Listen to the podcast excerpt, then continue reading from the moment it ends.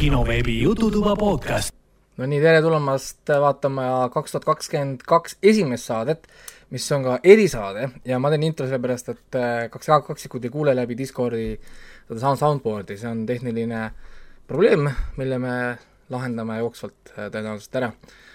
aga muud ei olegi, täna on siis meil kakskümmend parimat seriaali, filmi äh, valmis pandud, hakkame tagantpoolt pihta ja, ja muidugi Hendrik ja Ragnar kindlasti tahavad tere öelda ka, sest täna me oleme laivis ka ja tahaks, tahaks ka sõna suust Jah. välja saada. ja tere. Raiko ei tutvustanud meid, ma tunnen ennast nii äh, ei, te, te, te tutvustate ise, sest te olete siin laivis, te saate lehvitada ka rahvale.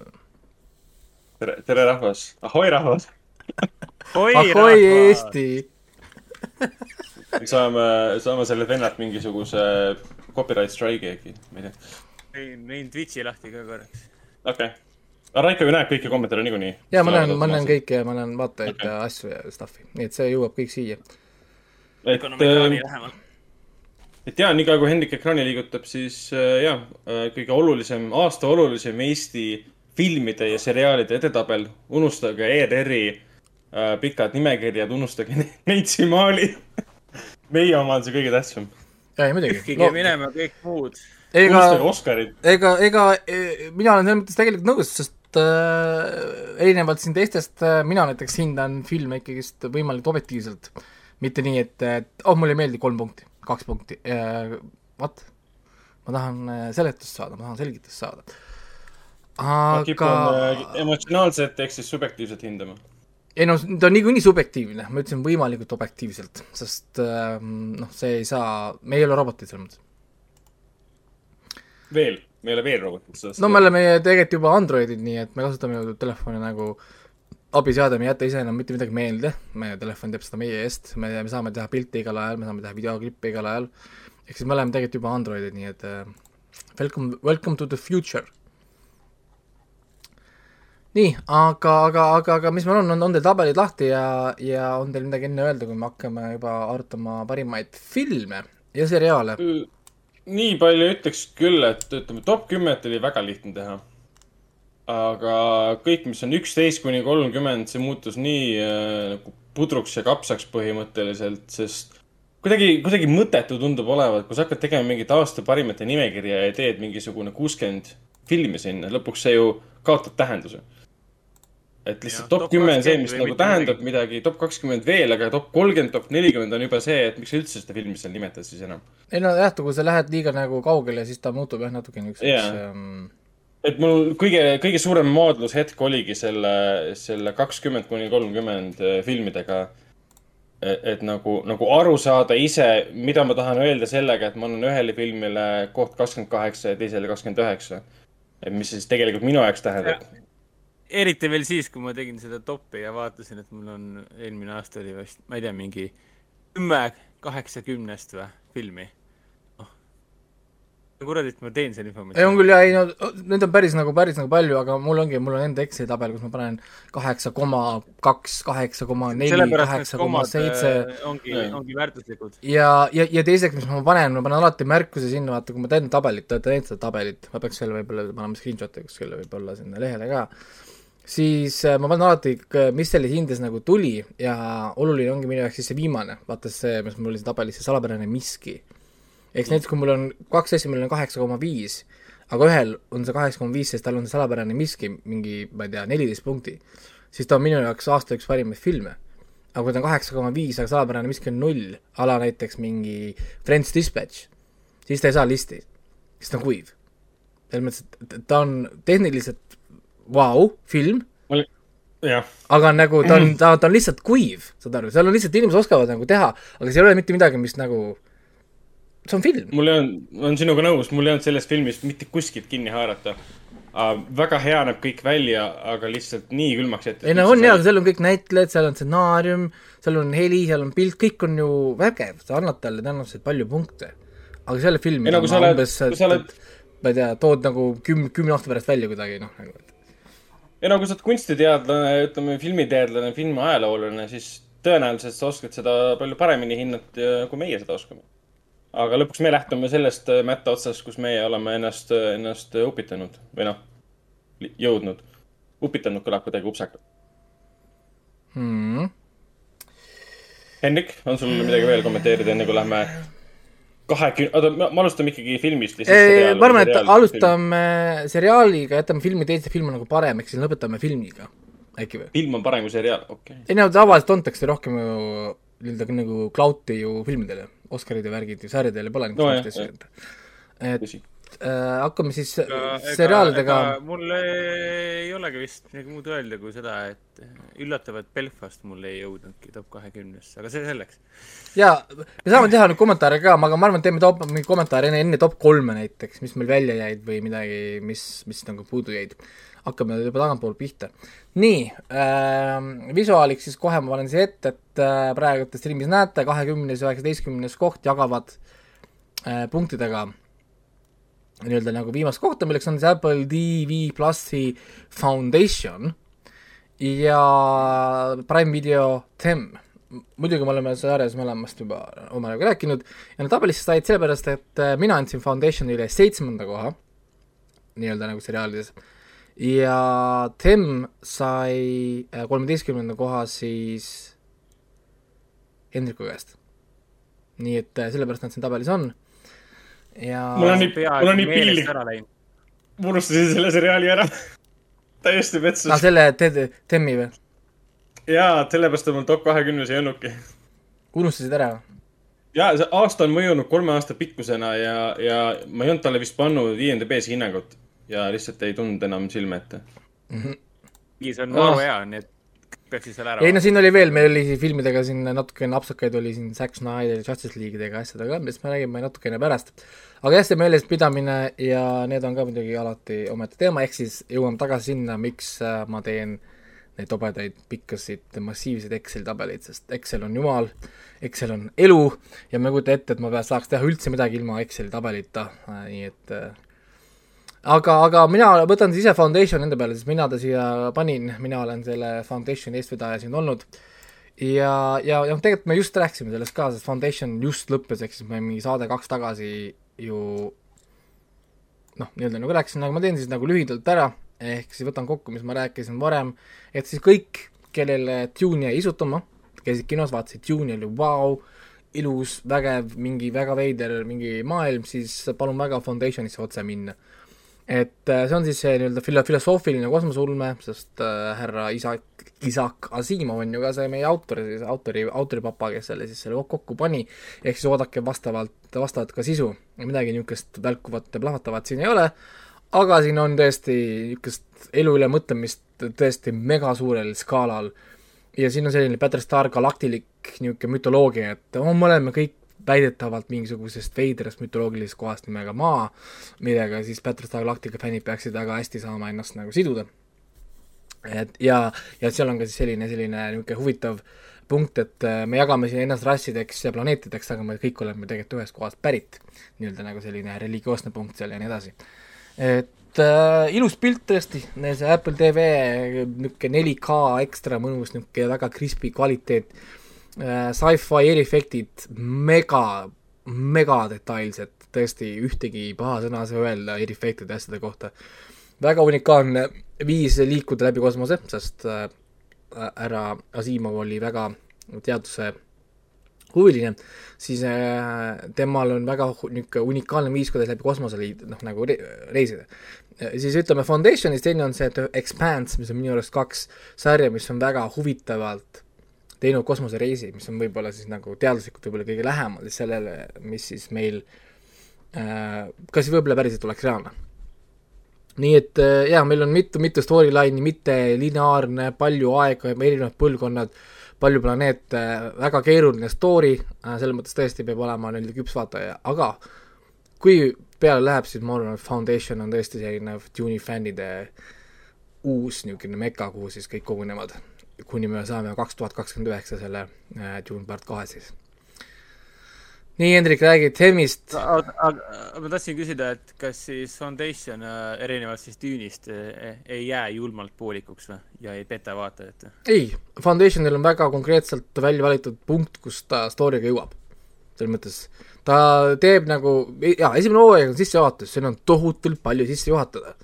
karakterid, nii palju, see maailm on väga keeruline, see impeeriumi süsteem on väga keeruline, poliitiline stuff, te peate poliitikat kuulama, vaatama mega-mega palju. siin on kloonide, kloonid juhivad seda nii-öelda nagu impeeriumit. et siis nendel on neli klooni korraga ja nad nimetavad, ta on ise ühe esimese valitseja kloonid, kes siis iga natukese aja tagant kloonitakse uuesti ja siis nad õpetavad iseennast välja. Ehk siis äh, toon on nii-öelda nagu koidik, siis on sul see task, siis on day ja päev on alati siis valitseja. päev valitseb, kui ta jõuab sellesse sekka, kus ta on neljakümnendates, viiekümnendates, siis ta on päev, tema on valitseja. ja siis, ja siis see, ja siis toonid on need, kes uuesti ärkavad, need, need noored kloonid. Nad ise õpetavad iseenda kloone kogu aeg välja. see on selline protsess, siin on hästi palju niisuguseid ju väga huvitavaid asju siis äh, kõik see, kuidas see kokku nagu mängib ja kuidas siis see Jared Harrise karakteri niisugune ennustus hakkab siis seda ise, muutub nagu väikseks isetäitavaks ennustuseks ja põrkumine religiooniga ja siis ta selline huvitav, kuigi äh, Asimov oli suur religiooni vastane, miks ta mulle ka meeldib, ju, sest äh, Man of Reason, aga ta toob hästi palju huvitavaid punkte välja tegelikult religiooni kasuks, mis on ka nagu väga huvitav mõtteharjutus, siis kui inimesed tahavad teha huvitavaid mõtteharjutusi, siis alati tasub vaadata ju ütleme siis noh, nagu vastase poolt siis nii-öelda, klassikaline debatt siis nii-öelda, et sa debati, teed nii-öelda nagu debati iseenda vastu. ja seda ta siin teeb tegelikult väga edukalt minu arust, ta toob minu arust väga huvitavaid ja väärtuslikke punkte välja religiooni poolt nagu ja, ja, ja seda sügavalt tehnoloogilises maailmas, nagu on siis see Foundationi maailm siis. nii et äh, jaa, sellest oli kümme pikka episoodi, need on pikad tund, võib-olla kohe isegi peale episoodid, nii et äh, saate väga pikalt mõnusalt nautida. kuulata palju, sest see on väga palju dialoogi. nii et äh, jah, ma, ma rohkem, rohkem ei oska midagi öelda. kahju muidugi, et ta kahe, kahekümnes koht on, aga nagu ma ütlesin, ma olen kaks, kaksikute vastu, nii et there is only so much yeah. I can do jõudsin alles praegu Invasionini, nii et ma ei teagi, miks ma seda vaatan ja mitte Foundationit, et jah, piinlik äh,. Spoiler ka, et see Invasion mulle üldse ei meeldi ei, see võtab aega, võtab aega, et, et ka kerida, need on e, Invasion on peredraama, inimesed, mitte sci-fi. Invasionil on, seal, seal on mingi kümme episoodi ja seal neli episoodi on möödas ja sorry, aga sittagi ei toimu on, see neli episoodi võiks nüüd olla üks osa, et noh. no kogu aeg ei pea olema plahvatusi ja action'i ja märu. ära ole siuke Hollywoodi nörd. sa oled kohe, sa, sa lähed kohe Michael Bay't fännima. Aga nii äh,, räägi nüüd Temmist meile, räägi, miks sa Temmi siia listi panid, kuidas sa julgesid seda teha? Temmi? Temm. ei, sul on üheksateistkümnendal kohal on Temm.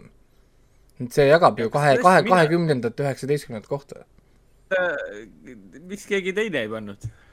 mul läks meelest ära, nagu ma juba enne äh, mainisin. mina ei saanud Temmi panna, sest uh, The Underground Railroad on nii palju parem. ja kui need on põhimõtteliselt sama nagu teema ja sama asi, siis uh, tundus nagu veider uh,, veider seda nagu panna. see Temm tuli mul viimasel hetkel meelde ja, ja mul on sellest ainult väga värvikad mälestused. kindlasti üks meeldejäävam sari, mis ma eelmisel aastal vaatasin et eriti, kui sa oled see Jordan Peele'i filmide fänn ja, ja samamoodi see Underground Railroad või siis see New, New Black Cinema nii-öelda või teleseriaalid, et kus hakatakse neid rassiteemasid vähesemal ja suuremal määral nagu esile tooma, kas siis uh, ulmelisel viisil, nagu Jordan Peele teeb, fantaasia viisil, nagu see, mis oli see Misha Collinsi sari, mis ära lõpetati, Love Cat Country äh, HBO-s äh,, mis sai ka ainult ühe hooaja, miniseeria nii-öelda, siis Dem on nagu väga, väga võigas, väga võigas kraam. eriti kui sa oled niisugune squeamish Äh, elad kaasa, kui sa oled emotsionaalne inimene, siis Temmi on ikka üsna raske vaadata, sest et, et kui, kui sa oled ikkagi normaalne inimene, siis on Temmi väga raske vaadata. nojah, lapsed ja koerad ja kassid ja. jah, täpselt mm., mida tehakse äh, ühe, ühe mustanahalise perekonnaga äh, valges rajoonis väga keerulisel ajal. ja õnneks ta ei ole ka lihtsalt nagu draama draama pärast, vaid siin on, me kõik oleme ju näinud, ta on ikka väga võigas ja väga värvikas ja väga psühholoogiline ja kohati ta on nii pingeline, sa ei saa üldse aru, et kuidas nii palju pinget on võimalik ühte episoodi panna. see oli see Amazon Prime'i sari ju, nad ju tegid siin huvitavaid eksperimente ka, et mõni episood on nelikümmend viis minutit, siis on viiskümmend minutit ja siis järsku lampi tuleb see, mis ta oli, see Cat in the bag või, kolmkümmend minti ja nii edasi mm. -hmm aga samas eh, see on pigem teretulnud, kui mõnes episoodid on siin eh, lühemad ka, et noh, kui sul tõesti midagi öelda pole, siis eh, kasuta ära seda streaming formaati. et noh, mina, mina, ta ei ole kindlasti asi, mida ma siin paneksin tippude tippu, aga ta kindlasti on ta selline top kahekümne vääriline, mida peab kindlasti ära mainima. et, et, et asi, mida võiks järele vaadata kindlasti eelmisest aastast. Eriti kui meeldivad Jordan Peele'i filmid, siis on nagu. no ei jaa, jaa, selles mõttes küll, ma olen, ma olen nõus. ta oli ka tugev, tõesti oli tugev, aga lihtsalt mulle tundus, nagu ma tegelikult ütlesin selle kinoveebi artikli alguses, et ma vältisin koopiate panemist listi. et kui sul on nagu kaks asja, mis on nagu põhimõtteliselt üks ja sama asi, siis ma valisin nagu parema ja jätsin teise lihtsalt välja, kuigi see on jah, natuke nagu ebaaus, aga muidu on lihtsalt tekib sul nagu see, et me saame mingi terve liste ainult näiteks mingi PÖFFi kunstifilme lihtsalt, mis selles mõttes muudab nagu ta veitsa nagu ühe, ühekülgseks igavaks, siis vaatab välja selle kõige parema, see on selle esindaja, vaatab välja kõige parem anime, see on see esindaja. on ju, siis siin samamoodi, ka kuna Them oli suurepärane, aga siis tuli Underground Railroad. ja siis olid äh,, vaat, ei, Them on välja, nagu. et, et klassi vahe oli ikka, ikka nagu päris suur.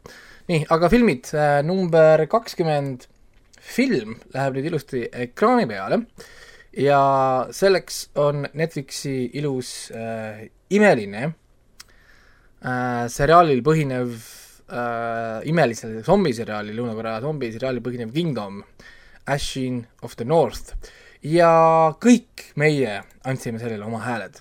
ehk Jaa. siis ta oli äh, minul kolmekümnendal kohal äh,, Rannaril kahekümne viiendal kohal ja Hendrikul viiendal kohal wow. ehk siis äh, He- Hendrik on põhimõtteliselt süüdi või ma ei tea, kas süüdi või siis äh, vastutav selle eest, et see siia kahekümnesse mahtus. on süüdi. nii et jaa, ei, see on, see oli tegelikult vapustav, vapustav film, aga selle filmi nagu probleem või natuke mure ongi see, et kui sa ei ole Kingdomi universumiga tuttav või sa ei tea neid seriaale, siis see film üksinda ei toimi lihtsalt. ta ei seisa üksinda oma kahel jalal tõesti, et ta vajab seda Kingdomi, Kingdomi kahte hooaega. Oli ikka kaks, jah, kaks jah. jah, tal on kaks ja, ja kolmas on, kolmas on tulemas. ei tea, millal see nüüd tuleb, aga võiks nagu kohe tulla. mu tahaks juba näha. mitte, et zombiseriaalidest oleks äh, Netflixis puudus. alles äh, tuli uus treiler välja ju, mingi jaanuaris ilmuvale Zombie High School või mis ta oli. oo oh jaa, ei siin tuli veel, vaata siin oli see ju, see Ra- Ragnar tegi seda nalja, et kuulge, et kui palju te tahate Lõuna-Korea zombi asju, jess. Netflix vastas selle peale jess, kui palju sa tahad siis, noh, jess jaa, lihtsalt nagu um,. aga, aga ei, Kingdom, Kingdomi film oli minu jaoks ikka šokeerivalt äh, hea sellepärast pigem, kuna mul oli vist aastane viivitus Kingdomi teise hooajaga, mil ma ta lõpuks nagu ära vaatasin, siis vaatasin kohe sinna filmi otsa ka, et see oli selline no täielikult esimesest kahest hooajast sõltuv emotsionaalne pauk, mida see film nagu pakkus. Eriti kuna see puudutab ühte karakterit ja see, see nägi isegi, no ei tea, kümme korda parem välja kui seriaal ise et nad võiksid veel teha siukseid filme. ma loodan, et kui tuleb kolmas hooaeg, siis kolmas hooaeg lõpeb ka täispika filmiga. ja kuigi siin mul tekkis peas küll sisemine debatt, et kas see on õige seda üldse panna top kümnesse või top kahekümnesse või top kolmekümnesse, sest ta on tegelikult seriaali episood, kuigi ta on täispika filmi pikkusega. Et see ongi see küsimus, kui, kui õigesti me tegelikult käitusime, et me panime ta filmide toppi. jaa, aga miks ta, mis, mis mõttes äh, miks ta ei peaks olema filmide topis? no tegelikult sobib, aga, aga mõnes mõttes ta on nagu teise hooaja osa ka, lihtsalt ta on pikem natukene. ei no, no niimoodi on, on, siis saab panna Spider-man No Way Home'i siia, sest sa ei saa seda põhimõtteliselt üksinda vaadata. siis sa hakkasid ei, hakkasid, hakkasid järjest neid asju kattima, noh nagu, et eriti tänapäeval, kui kõik on uni-, üks on ühes universumis, kõik on lõpuks üks universum, siis nagu noh, see no antud juhul see on pigem nagu hästi konkreetne, et sul on nagu päriselt kaks seriaali, kaks hooaega ühest seriaalist ja siis on film. et see ei ole nagu filmi, filmiseeria, mille osa ta on, ta on seriaali osa. Aga noh, see selleks, see, see ei vähenda mitte kuidagi selle filmi, filmi jaa, ei, selles mõttes, et ta on kvaliteetne seriaal ja ta on kvaliteetne film. ja, ja ei, väga kõva, ka väga kõva film selles mõttes üldse, ta üld-, hästi hea zombifilm, hästi hea action film, hästi hea draama, kõik asjad tegelikult nagu olemas, nii et, et iseenesest muidugi võib proovida vaadata seda ka ilma seriaali vaatamata, ma tahaks teada tegelikult, kuidas kuidas see inimeste peale läheks, kui nad ei ole vaadanud kaks hooaega seda mõnusat äh, zombi action'it, et seda oleks täitsa huvitav kuulata, jah. mina olen selle eksperimendi läbi teinud kunagi, kui ma vaatasin selle El Camino ära, see Breaking Badi aa film. issand, jaa, see oli, kuidas see siis äh, oli? mulle meeldis, ma enam-vähem sain nagu kõigest aru, mis seal toimus. ma oled ju kaudselt tean, nagu- millega Breaking nagu- Bad lõpeb. et. sest sa oled sarnaselt minuga on ju Ragnar näinud ainult Breaking Badi piloti. pilootepisoodi. jah, jah. issand, teil on väga- väga maailma number üks kõige kõrgemini hinnatud seriaal on teil vaatamata. selles mõttes teil on äh, kunagi väga hea aeg ees teeme uue aasta lubadusi. korra, me oleme rebelid. et mi-, ei lihtsalt mingi hetkel lihtsalt tuleb see moment, kus sa saad vaadata viis hooaega järjest pingida number üks seriaal, lihtsalt nagu pff, mind blown. kujuta ette, keegi kunagi tuleb Arkeeni vaatama näiteks viis hooaega järjest, tal on Arkeeni või stuff'i mingi hü- hüpata sisse vaata. See oleks nii äge. ei no see, see on sama nagu, et ma veitsa kadestan neid, kes saavad nüüd vaadata üheksa hooaega Dexterit järjest näiteks. et uh, you are all lucky sons of bitches nii-öelda. aga jaa, Ashiniga on siis kõik, aga kuna meil oli kaks seriaali korraga, siis liigume edasi filmidega kohe edasi uh,. nüüd meil on jagavad siis uh, ka üheksateist ja kaheksateistkümnes koht lähevad nüüd ilusti ekraani peale, milleks on Raya and the Last Dragon, Disney animatsioon ja Boiling Point, mis oli siis PÖFFil ühe kaadriga siis äh, üles võetud film. Mina siis võtan siis kohe Raja ette, sest äh, Raja on lihtsalt ainult minule, sest äh, ma andsin panin talle viiendale kohale üldse nagu terves oma nagu listis. Ja tänu sellele ta on ka nüüd siin üldse nagu tabelisse mahtus. uh,. jah, ma, mulle ka meeldis tegelikult kaheksakümnest, aga ma, mulle tundub, et ta on üks nendest, mis jäi vist kaheksa punkt nulli peale, samal ajal kui ülejäänud muud. Jah, ei no- kaheksa punkt kaheksa ja nii edasi. minul oli lihtsalt see, et minule meeldis, et Disney läks tagasi nii-öelda nagu vana Disney juurde, tal oli see vana Disney feeling.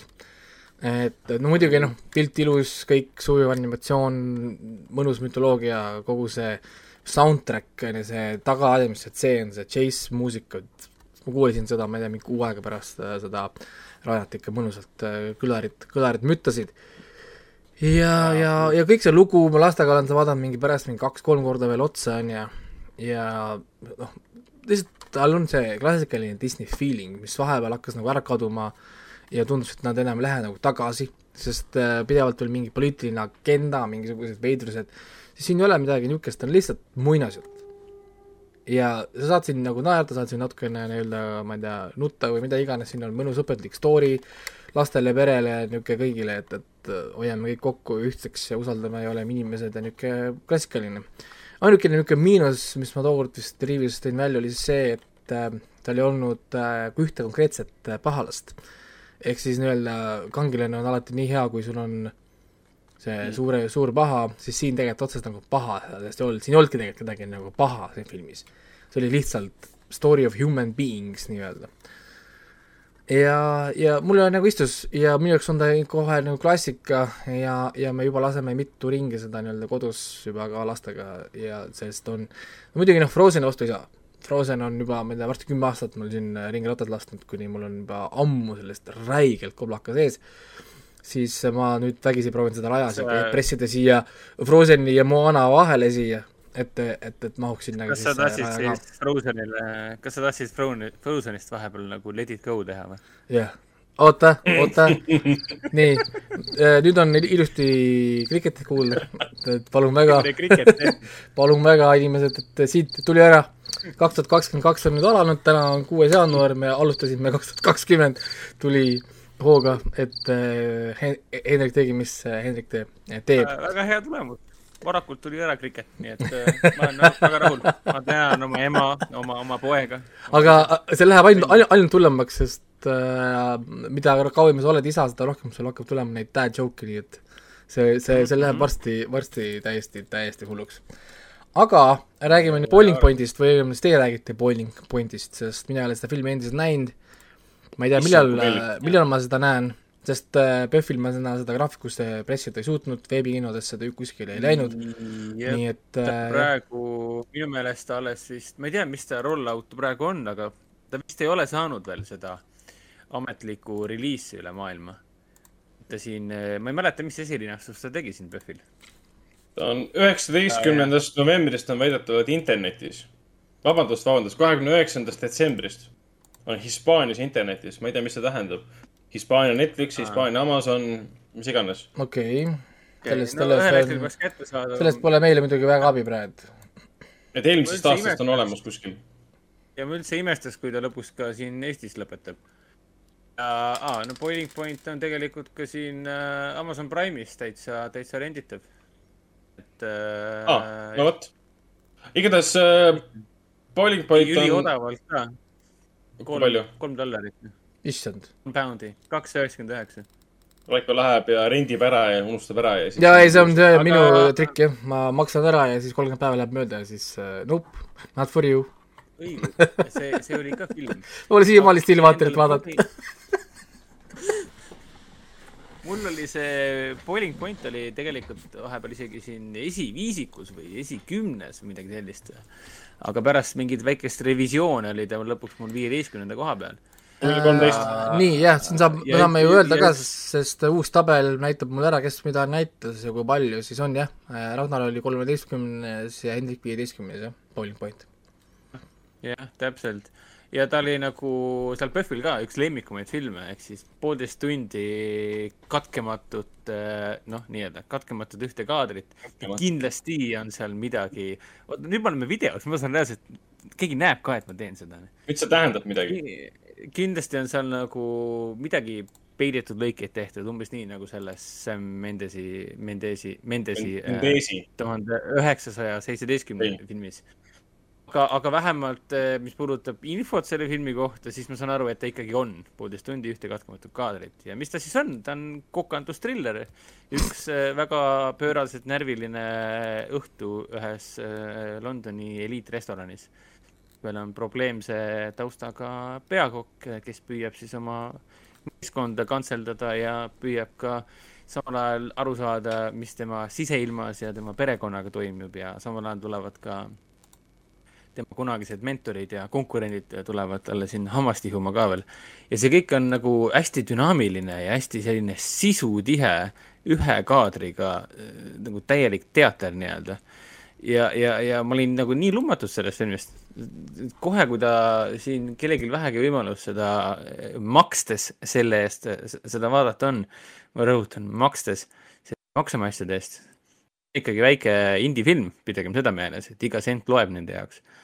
Ja Steven Graham, Graham, keda ma ei ole väga paljudes filmides näinud, kahjuks. Ragnar võib mind aidata, äkki ta, äkki sa oled teda näinud kuskil varem ka? ta mitte ei mänginud selles Peaky Peaky, Peakis või? Peaky Blinders siis teda ei olnud, ei. aga tal on siuke nägu teda-, sa oled Jaa. Briti filmist seda näinud. enam-vähem, et ma olen teda, Venom kaks oli üks filmidest. Tinker Tailor Soldier Spice äh,, Pirates Jah. of Caribbean, see on viies film, Snatchis, This is Englandis um,. aa, Peaky Blinders jaa, ühes episoodis. tulevases hooajas, kuuendas hooajas. vot, aga, aga lihtsalt see. Aa, ta oli Venomis ka ju. Venomis ka jah, esimeses ja teises siis mõlema Te, teises oli ta kindlasti. aga igal juhul, kes otsib selliseid äh, kiireid äh, elamusi äh,, aga selliseid erilisi, tehnilises mõttes väga erilisi elamusi ja samas ka emotsionaalseid elamusi. et kuidas on võimalik ühte kaadrisse, ühte jooksvasse kaadrisse toppida poolteist tundi filmi. Nad, nad planeerisid seda vist äkki ma ei mäleta enam täpselt, kas nad pidid seda viis korda vist äh, filmima. Nad tegid seda on location, koha peal, siin ei ole mingeid stuudiovõlureid ja nii edasi, kõik on nagu füüsiliselt koha peal filmitud. siis tuli see koroona vahele ja minu meelest nad vist jõudsidki ainult kaks korda filmida ja teine Mhm. võte läks siis töösse. ja, ja, ja kuna kohutavalt need suured äh, reeglid tulid peale ja nelja asemel muutus siis kahele, et no saad aru, mis tehniline pinge see tegelikult filmitegijatel on. et justkui teil on mingi neli-viis korda planeeritud, aga te teete ainult kaks. Siis teil ongi see küsimus, et kas me nüüd saame filmi valmis ka või mitte. et äh, erakordne film äh,, kindlasti see on film, mis vajaks ka äh, neid tiitreid, sest nad on ikka väga britid siin filmis, et äh, mäleta, kas meie, kas meie seansil olid subtiitrid, seda ma ei mäleta. aga, aga ei olnud jah. no ikkagi sai aru, nad räägivad lihtsas inglise keeles, aga kui see Steven Graham siin higistades oma, oma põlle näppides, ringi joostes, karjudes nagu mingi, kes see kuri kokk nüüd on, kes karjub Gordon Ramsay. Gordon Ramsay, et ta meenutab seda Gordon Ramsay't kohati ka, aga ta nüüd nii vihane ka ei ole. aga jaa, ta on täpselt selline adrenaliinifilm. et kui otsite midagi väärtuslikku, siis seda peab üles leidma. no nii, et enne kui liigume järgmise filmi juurde või sarja juurde, siis Argo küsib siin, kas Õiglus kaks ka listi jõudis? tahaks ka näha, aga kas seda kuskilt leiab ka, ei tea. muidugi noh, alati võib ju Toomase käest küsida, et kus, kus film on mees. Toomas Harjale võib otse Facebooki kirjutada, ma arvan, ta annab Youtube'i lingi saab ära vaadata. jah, või, ei ta, ta müüb praegu DVD-sid ju. sa on saad talle maksta paar euri, ta, mis ta oli, küsis suht, suht, suht, suht vähe selle eest, nii et äh, ma ei oska öelda, kas Õiglus kahe DVD-d on ja, või siis äkki Blu-ray'd, kas need on müügis ka äkki seal äh, Apollos või Rahvaraamatus ja nii edasi. ei, just igal, igal, juhul paar kuud tagasi need läksid müüki. nii, aga kuna me peame oota, oota, Õiglus kaks on ka netikinos täiesti vaadata. aa, netikinos olemas okay.. okei, netikinos neli, üheksakümmend maksad ja saad sinna vaadata. okei, okei, okei. aga see film listi meil ei jõudnud jah, mitte kuskil. oota, ära, ära spoil'i listi ette. tähendab,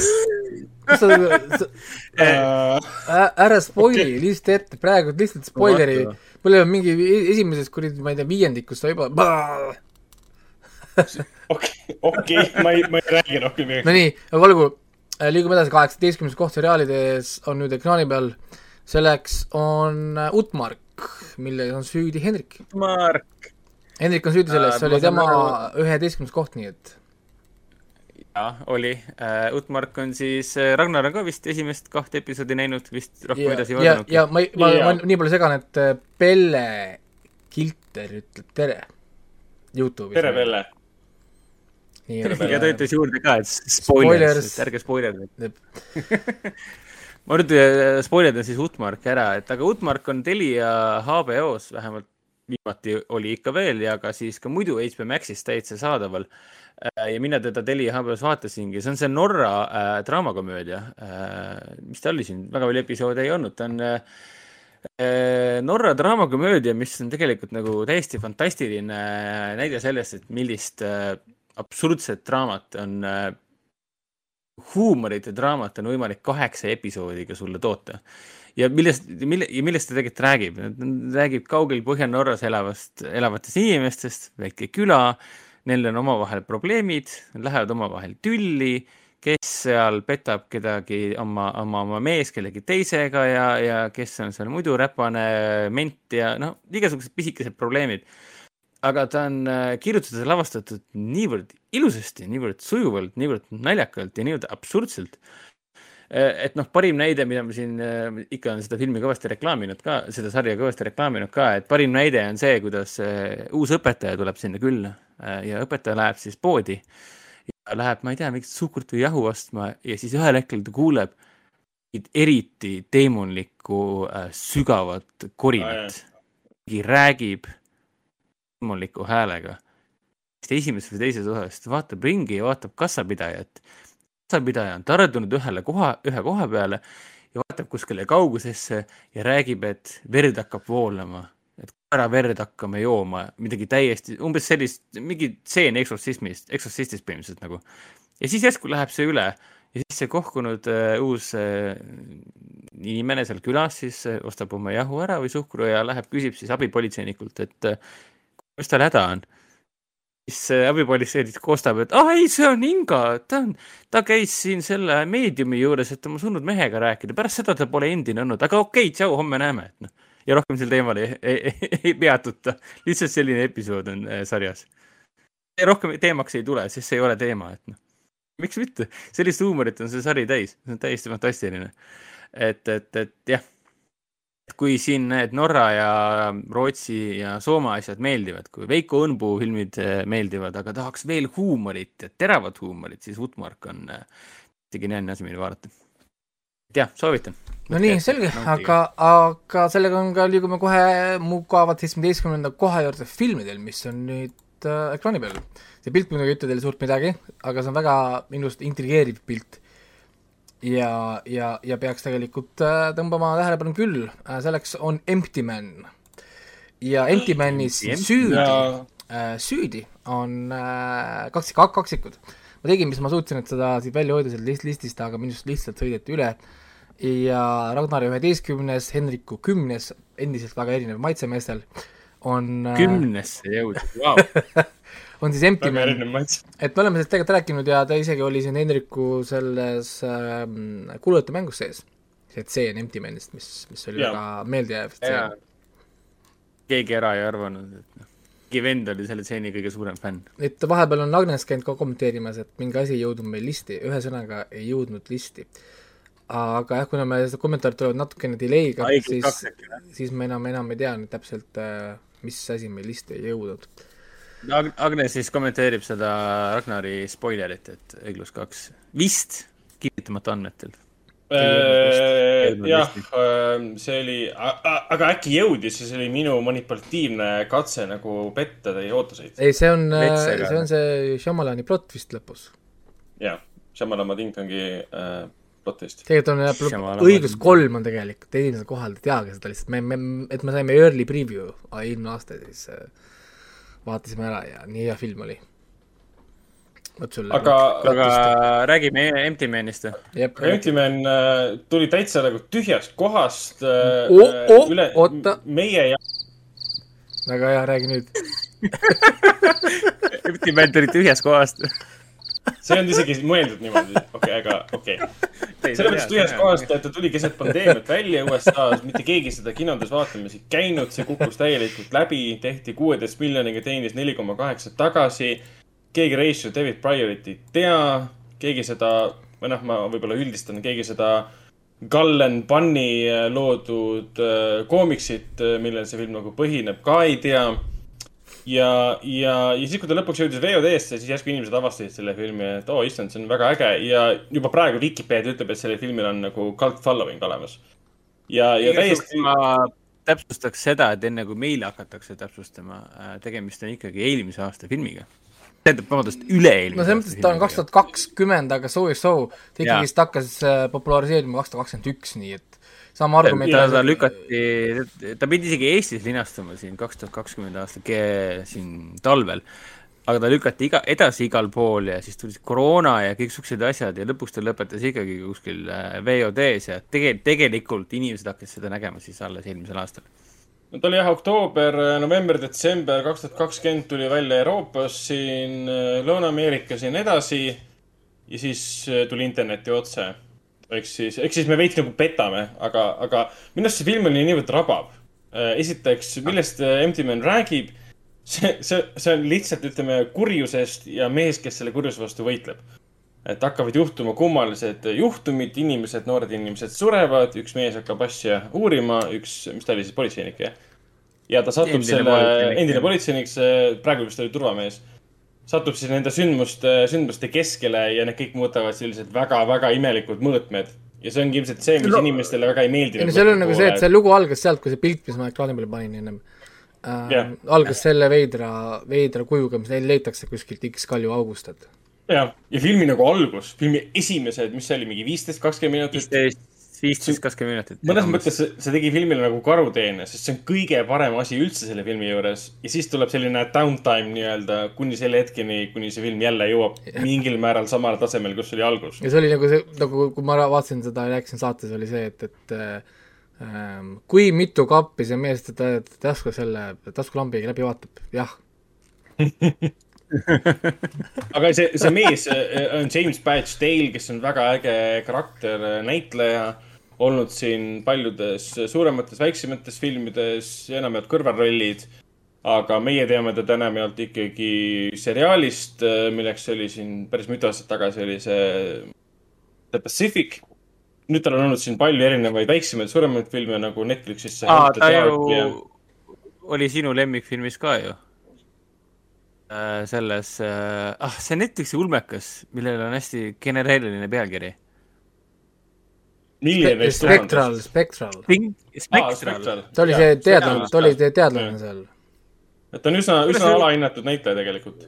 jaa, ta ongi osalenud viimastel aastatel päris, päris ägedates väikestes low-key filmides, mis tegelikult tuleb välja, et on tegelikult päris andekad asjad.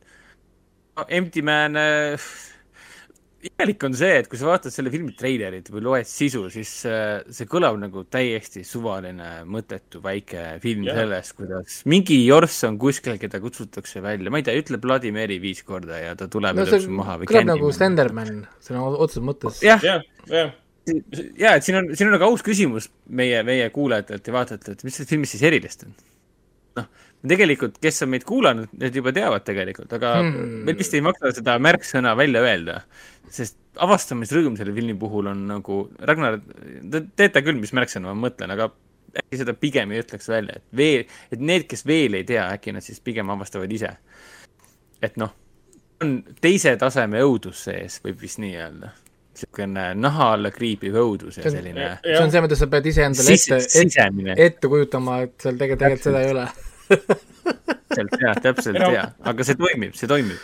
ütleme, selle filmi narratiiv on see, mis ta on, aga ütleme, lavastaja meisterlikkus, puhtalt kaadrikompositsioon, helitöö, kuidas pinget hoida, see on väga-väga hea.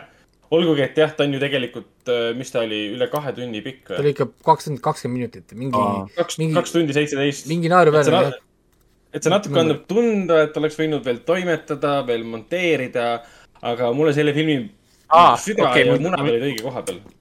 mul tuli meelde, et kui sulle meeldib see seletamatu õudus, see on vist kõige parem viis, kuidas seda kirjeldada, siis see film on sulle. ja, ja, ja ta ei ole teile, üldse see, mida sa loed, et ta on. et kui teile meeldivad filmid, mis annavad vastu, vastuseid, siis Empty Manis käige kaarega mööda, noh. jah täpselt. aga olgu, liigume liigume edasi, sari number seitseteist on äh, For All Mankind. Hetkel näete ilusat pilti ekraani peal, see on äh, vägev, kihvt ja iga, iga kord, kui ma neid asju nagu vaatan ja, ja mõtlen, siis, siis tegelikult tekib alati suu kohe uuesti vaadata jälle. aga õnneks see sari kestab, nii et ma ei, ma ei pea selles mõttes hakkama juba algusest peale seda rewatch ima. see on siis lihtsalt tänu minule, minul on ta neljandal kohal, mis on äh, jah äh,, juba Väga siis kõrge. äh, teist aastat järjest mul tegelikult siin äh, lammutab siin et, et ta on üks väheseid, mis hoidis teisel hooajal oma taset. ütleme, et tavaliselt kipub olema, kui sul on esimene hooaeg mingi üüber niisugune väga kõrgel, siis teine hooaeg annab nagu järgi, sest sa ei suuda kohe nagu seda noh, nagu momentumit nagu hoida. siis For All Mankind tegelikult pani väga ilusti edasi ähm,, vastas väga paljudele küsimustele, mida me ei teadnud, et me isegi nagu tahtsime küsida ja, ja, ja läks täiesti nagu uutesse kohtadesse ja ta muutus poliitilisemaks kui esimene hooaeg, esimene hooaeg oli natuke niisugune rohkem avastamist ja põnevust selle koha pealt, sest oli alternatiivne ajalugu. noh, see lugu ise räägib sellest, et Venemaa jõuab kuu peale ennem kui Ameerika. ja, ja Ameerikal on selline uhkuse küsimus, nad ei saa lasta Venemaal olla ees, sest nad siis, nende plaan on saata naine esimesena kuu peale. Venemaa võidab neid ka seal saadavad esimesena naise kuu, naise kuu peale ja ameeriklased juba on füüsiliselt solvunud, presidendid kõik on nagu, kuulge, et äh, maailm naerab meie üle. on ju, et meil on vaja midagi nagu, et neid venelasi nagu võita. ehitame kuu peale baasi. ja siis hakkab selline es- es- espionaaž, draama, värgid üksteise plaanide varastamine, kes kuhu läheb mida tegema, tuleb välja, et kuu on ju neutraalne tsoon, seal pole minu territoorium, sinu territoorium. kui keegi ehitab baasi, sa võid ju minna sisse lihtsalt lõhkuda ja laamendada ja see on ju no man's territory, on ju. ja draamad, asjad kõik seal ümber, asjad lähevad valesti, inimesed surevad, lapsed surevad, naised surevad, plahvatavad värgid, särgid, draamad vasakule-paremale, üles-alla ja, ja tõesti, pikad episoodid, kohati nagu eraldi mini, minifilmid, kõik karakterid saavad aega, nad keskenduvad tõesti nii paljudele asjadele ja sari liigub tohutult kiiresti, eks. Me alust-, alustasime kuuekümnendatel, me läksime seitsmekümnendatesse, kaheksakümnendatesse. Tehnoloogia liigub koos nendega. et äh, väga, väga, väga kihvt asi, ma ootan kolmandat hooaega juba nagu ammu. Ja kui kellelgi on Black, see Apple TV pluss pole vaadanud veel For All Mankind'i, siis nagu what the fuck noh, mis selle point on et vaatate näiteks praegu Invasionit, siis jätke Invasion pooleli äh,, jätke Foundation pooleli, jätke Sea pooleli ja hakake vaatama For All Mankind'i. jah, noh. Invasioni võib-olla tõesti jätame pooleli, et ta näeb Nii- hea välja, fuck, noh, Apple teeb nii hästi neid asju. nii et, et äh, selles mõttes noh, küsimus nüüd äh, muud ei olegi tegelikult, et noh, ma ei tea, ma, millega ma seda võrdlen, no ütleme, ma siin tookord mainisin, et äh, ta võib-olla jagab siin niisugust ideelist sarnasust siis selle Netflixi praegult äh, niisugune poolpopulaarse The Silent Sea'ga, mis on nagu see, see Lõuna-Korea oma siis, kus nad lähevad kuu peale nagu vett otsima. aga see on ka nagu ainuke sarnasus, et, et ta on tugevalt seal poliitiline. et ta on, seal lähevad ka nai- naised kuu peale. jaa, lähevad küll saada kuu peale. kas, kas sa saatsid, saatsid, saatsid naise kuu peale? saad, saad naise kuu peale, jah. aga kusjuures esimesel hooajal on minu arust ka väga, väga kihvtilt on näidatud, kuidas kuu peal üksinda olemine mõjub, inimesele. et mida see nagu Ah. teeb, kui sa vaatad maad nii kaugel ja mida tähendab olla tegelikult eraldatud. millised psühholoogilised tagajärjed ja asjad sellel on ja nii edasi. siin on väga huvitavaid asju, mida nagu lahatakse ja võõdatakse, mida või, millele võib-olla ei mõtle nii et äh, jaa, igal juhul kvaliteetsari, minu arust on ta räigelt alahinnatud ja vähe räägitud, sest noh, Apple TV pluss ei saa veel nii suurt tähelepanu kui näiteks Netflix või midagi muud, aga äkki tulevikus saab.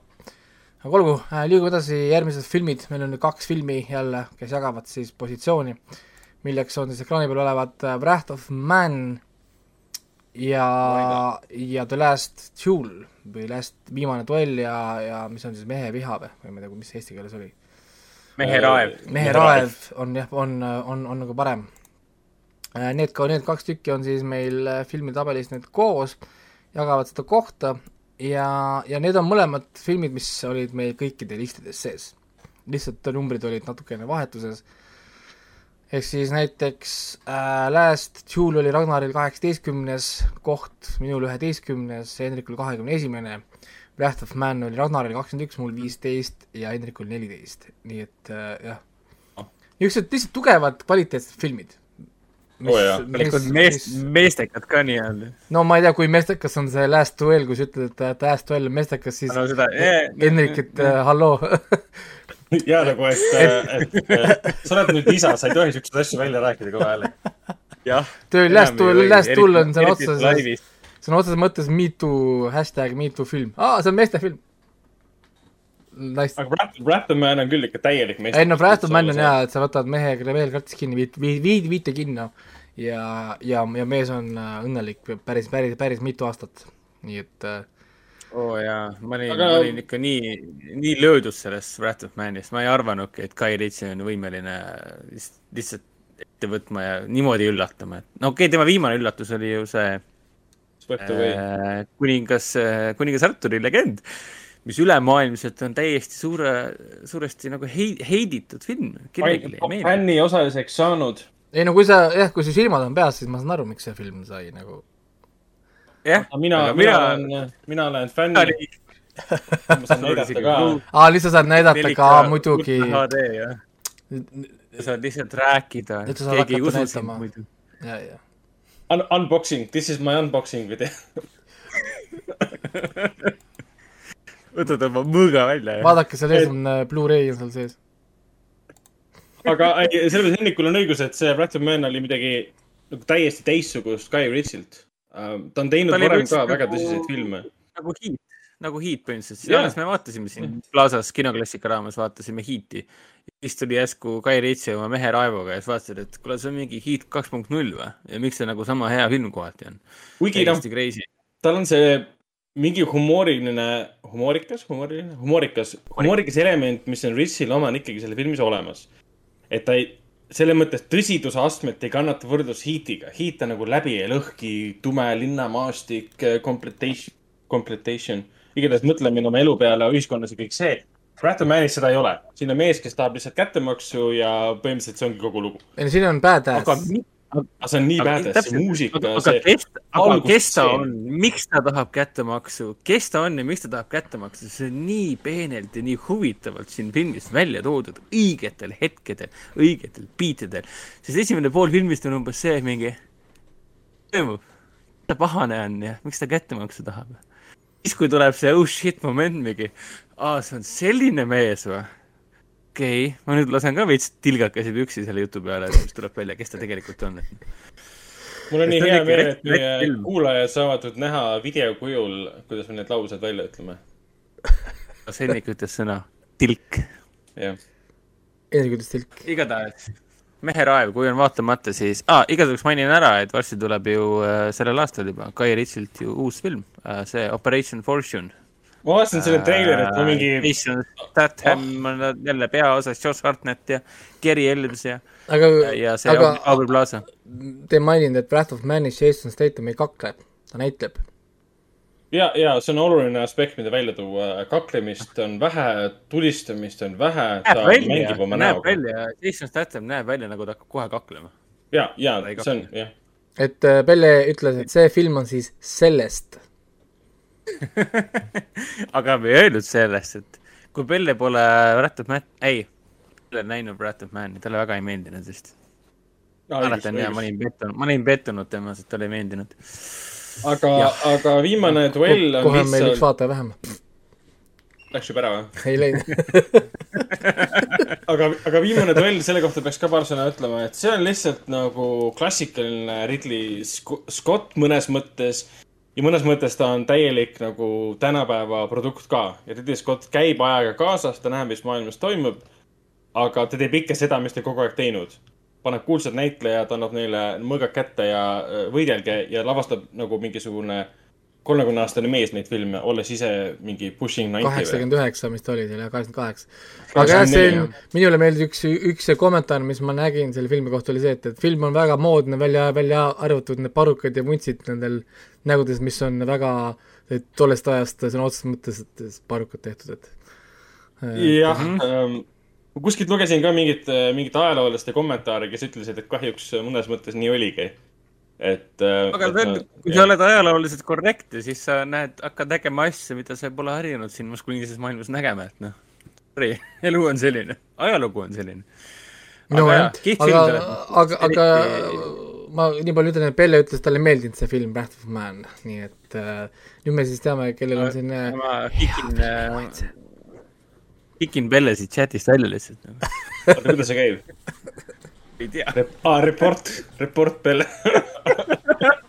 on korra report Pelle, ei olegi, et, et kas ei saa panna, paned report'is on seal millele uh,, for having a bad taste.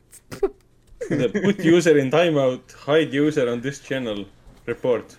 kõik kolm asja, remove on ka. see oli, ei, ei, ei, ei äh, täiesti arusaadav, miks, miks see film ei pruugi kõigile peale minna. ei no ja see on iga, iga filmi ja iga asja puhul paraku tõsi, nii nagu mul oli Empty Man, on siis temal The Wrath of Man, nii et nii see käib. aga äh, järgmine siis seriaal, me peame seriaalidega nüüd natukene järgi jõudma, sest filmid oli jälle topelt, on äh, kuueteistkümnendal kohal olev Solar Opposites, Opposites või Opposites No, või, või, või kuidas seda öeldakse. opposites, opposites. oposiit, opositsioon. Uh, mul seda listis ei olnud, kuigi ma vaatasin ka kõik ära ja mulle tegelikult meeldis. listis on tegelikult ainult sellepärast, et Hendrikul oli ta üheksandal kohal ja mm, -hmm. ja tema, tema selle siis seda listi meile siia surus. nii et ma olen ka kõik ära vaadanud, välja arvatud see viimane Jurus spetsial vist, mis siin oli siin. Ma vaatasin selle ka ära, see oli päris tore. et, et ta läks päris, päris eh, kihvtilt ja, ja väga nagu lihtne vaatamine, tal on selline niisugune Rick and Mortelik ikka fun'i element juures, aga, aga jah, ta ei ole Rick and Morty siiski. ei, seda ta tõesti ei ole, aga ta, ta on, ta, Solar Opposites, noh, kes ei tea, siis Justin Roiland on äh, Solar Oppositesi looja ehk siis üks kahest äh, äh, Rick and Morty loojast. Aga ta on nagu kergem vaatamine ja seeläbi ta on nagu, nagu, nagu lihtsam vaatamine ka, et see on nagu, sa nagu tead, episoodi tööle pannes sa nagu tead, et, et, et, et ma ei pea olema valmis selleks, et ma peaksin seda episoodi kaks korda veel vaatama. et aktsepteerida seda, mis siin toimus või, või sa ei pea oma mõistust nagu mingisugusesse vortex'i keerama, et aru saada, mis siin toimub või hoomata kõike ja nii edasi. aga mulle see teise hooaja story nagu hullult meeldis. eriti, mis puudutab seda, see on üks teema nende seinarahvaga nii-öelda. ja ei, see on nii kihvt, see võiks olla seinarahva saaga. see võiks olla omaette sari täiesti, neil on, see eri on,, eriti, eriti siis, kui nad esimeses hooajas slappisid sinna sõrmust visata fondi ja muusika peale ja tegid selle eepilise võitluse. ja see teine, teise hooaja nagu teine hooaeg sellest seinarahva teemast on lihtsalt üle äge lihtsalt, täiesti pettu, crazy. pettused, draamad, tragöödiad, valetamised, ikka sihuke seebikas. korralik jaa, see on ikka mõnus. mm. -hmm. iga episood ikka üllatab, et siin mul on hea meel, et seda Rick and Morty maailma ja maailm on nagu laienenud tänu sellele, et sul on ka see, Justin Roiland on eraldi teinud seriaali, et noh, eks ta on nagu mingis mõttes meenutab seda kolmes kivi päikesest, noh. Kari tulnukaid tuleb maale ja No elavad ta- oma elu ja püüavad hakkama saada, et noh. see on tead, veel- see obvious nagu paralleel nii-öelda. jah, aga erinevus on see, et ega nad siin väga ei varja ja kedagi väga ei huvita ka, kõik annavad peksa neile, sama. ei no nendel on ju, nendel enda taldrik on katusel. jah, ja, ja ei siis see lihtsalt see na-, naabruskond kaebab, et kuule, tee midagi sellega, sest see rikub meie vaadet. nii et äh, jah, aga liigume tegelikult järgmise sarja juurde siit kohe, sest me oleme mm. filmidega natukene ees ja viieteistkümnendal kohal on äh, pildi peal olev härra Omniman ehk siis Prime video animatsioon Invincible. ja see on siin kohapeal sellepärast, et äh, Ragnar pani ta kuuendale kohale ja mina panin yeah. selle kaheteistkümnendale kohale ja Hendrikul ei ole, ei ole lihtsalt maitset, ehk siis peaks tegema koroonatesti ja vaatama, et, et kas ta on koroona saanud endale. nii et äh, ma jõudsin vist kaks episoodi ära vaadata ja rohkem ei jaksanud, sest äh, mulle Robert Kirkmani tööd väga ei istu. ma sain aru, et see läks pärast huvitavaks. Ikka jaa, tal vist teine-kolmas või niisugune, korraks oli see alguses niisugune introduction ja väga slow, aga kui tuleb välja see Omnimani see teemad ja värgid seal lõppude asjad lähevad ikka nii käest ära. eriti vist üheksas, kümnes episood vist ongi kõige, kõige, üks kõige crazy maid, eriti see tseen, kus Omniman ja ta poeg lähevad äh, rongi ro,, rongi ette. jaa. see läks ikka, ikka väga, väga võikaks ja noh, veriseks. ei no siin oli, see oli see küsimus, et, et kuulge, minge, minge sinna äh, kuskil Prime video sellesse ruumi, kuulge, mul on uus idee, et kuulge, kui, kui verine see viimane episood peab olema? ahah, jess, ja siis tuleb, hakkab pihta. aa, siin vahepeal on olnud paar kommentaari, et Pelle ütleb, et me ei viskaks seda välja, sest tal on veel neli tundi tööd teha. et me peame olema Aa., olema ettevaatlikud. ja Agnes ütleb, et äh, talle ei meeldi sisuliselt mitte ükski film meie listis, mis on selles mõttes huvitav, sa isegi ei tea, mis siin listis on. Nii et ärme, aga, ei, aga ruta talle ei, ei meeldiks. no ta tegelikult äh, põhimõtteliselt küll, see siin ei ole, siin ei ole väga niisuguseid naistega, et Cobra, Cobra Kai võiks, võiks olla listis, siis võib-olla isegi meeldiks. aga jah ähm,, ma ei tea, Invincible tuleb tagasi, igal juhul ta oli hästi popp, ta oli Prime, Prime videos oli mingi väike newsletter käis vahepeal läbi, et, et ilusad saan vaatajanumbrid aru jah, et see pidavad on olema juba, juba kinnitatud, et tuleb teine, kolmas ja neljas ja viies hooaeg. tuleb ja väidetavalt juba järgmine aasta sügisel saame teise hooaja, nii et äh, ei pea ka mingi ülberkaua ootama, eriti koroona ajal on see sügis juba blink ja ja, ja juba on meil see kaheksas laine ja, ja oleme siis seal sügises. noh, selle seriaali võib-olla üks suurimaid võlusid oligi see, et vähemalt minu jaoks, et esimesed kaks episoodi olid täiesti noh, tavalised ja, ja jätsid nagu tühja tunde sisse, nad kestsid liiga pikalt, nad olid nagu klassikalise pikkusega episoodid. ja siis järje, järjepanu nagu kolmas, neljas, viies seriaal hakkas mulle nagu, nagu lõi küüned sisse ja kasvas mulle külge sõna otseses mõttes. ja siis ma alles sain aru, et mismoodi see seriaal tegelikult on struktureeritud, et ta meelitab sisse võimalikult palju rahvast, olles võimalikult üldine ja siis võtab väga konkreetselt käsile ja näitab ära, mis ta tegelikult on. ja, ja, ja kusjuures viimane hooaeg, mitte viimane hooaeg, viimane episood tegelikult näitas ju järgmise hooaja storyline'id kõik ära. järjest pani meile paika, mis hakkab, mis hakkab tulema, millega me tegeleme järgmisel hooajal. mis on selles mõttes väga convenient ja, ja väga klassikaline viis, kuidas asju näidata. Aga niikaua, kui Hendrikut pole, me saame siis sujuvalt minna neljateistkümnenda koha juurde seriaalides, siis jõuame nii-öelda õigesse järjekorda. ja selleks on pildil olev väga äh, veider äh, seriaal Netflixis, mis siis jooksis, millest me rääkisime. ja Jaa,, ja selleks on Midnight Mass ja see on ainult siin Hendriku pärast, sellepärast ma ütlesin, et on suurepärane aeg see siia panna. kuigi me oleme tegelikult seda vaadanud ka, et, et, et äh, ta on selles mõttes väga huvitav, tal on esimene episood on niisugune what the fuck episood, siis on niisugused kolm, kolm-neli niisugust rahulikumat, niisugust mõnusat build-up episoodi, kus on niisugune thriller, mingi õudusfeeling, mingid stuff'id toimuvad ja siis viimased kaks-kolm episoodi on nagu holy crap, see pole üldse see, mida ma arvasin, et see on.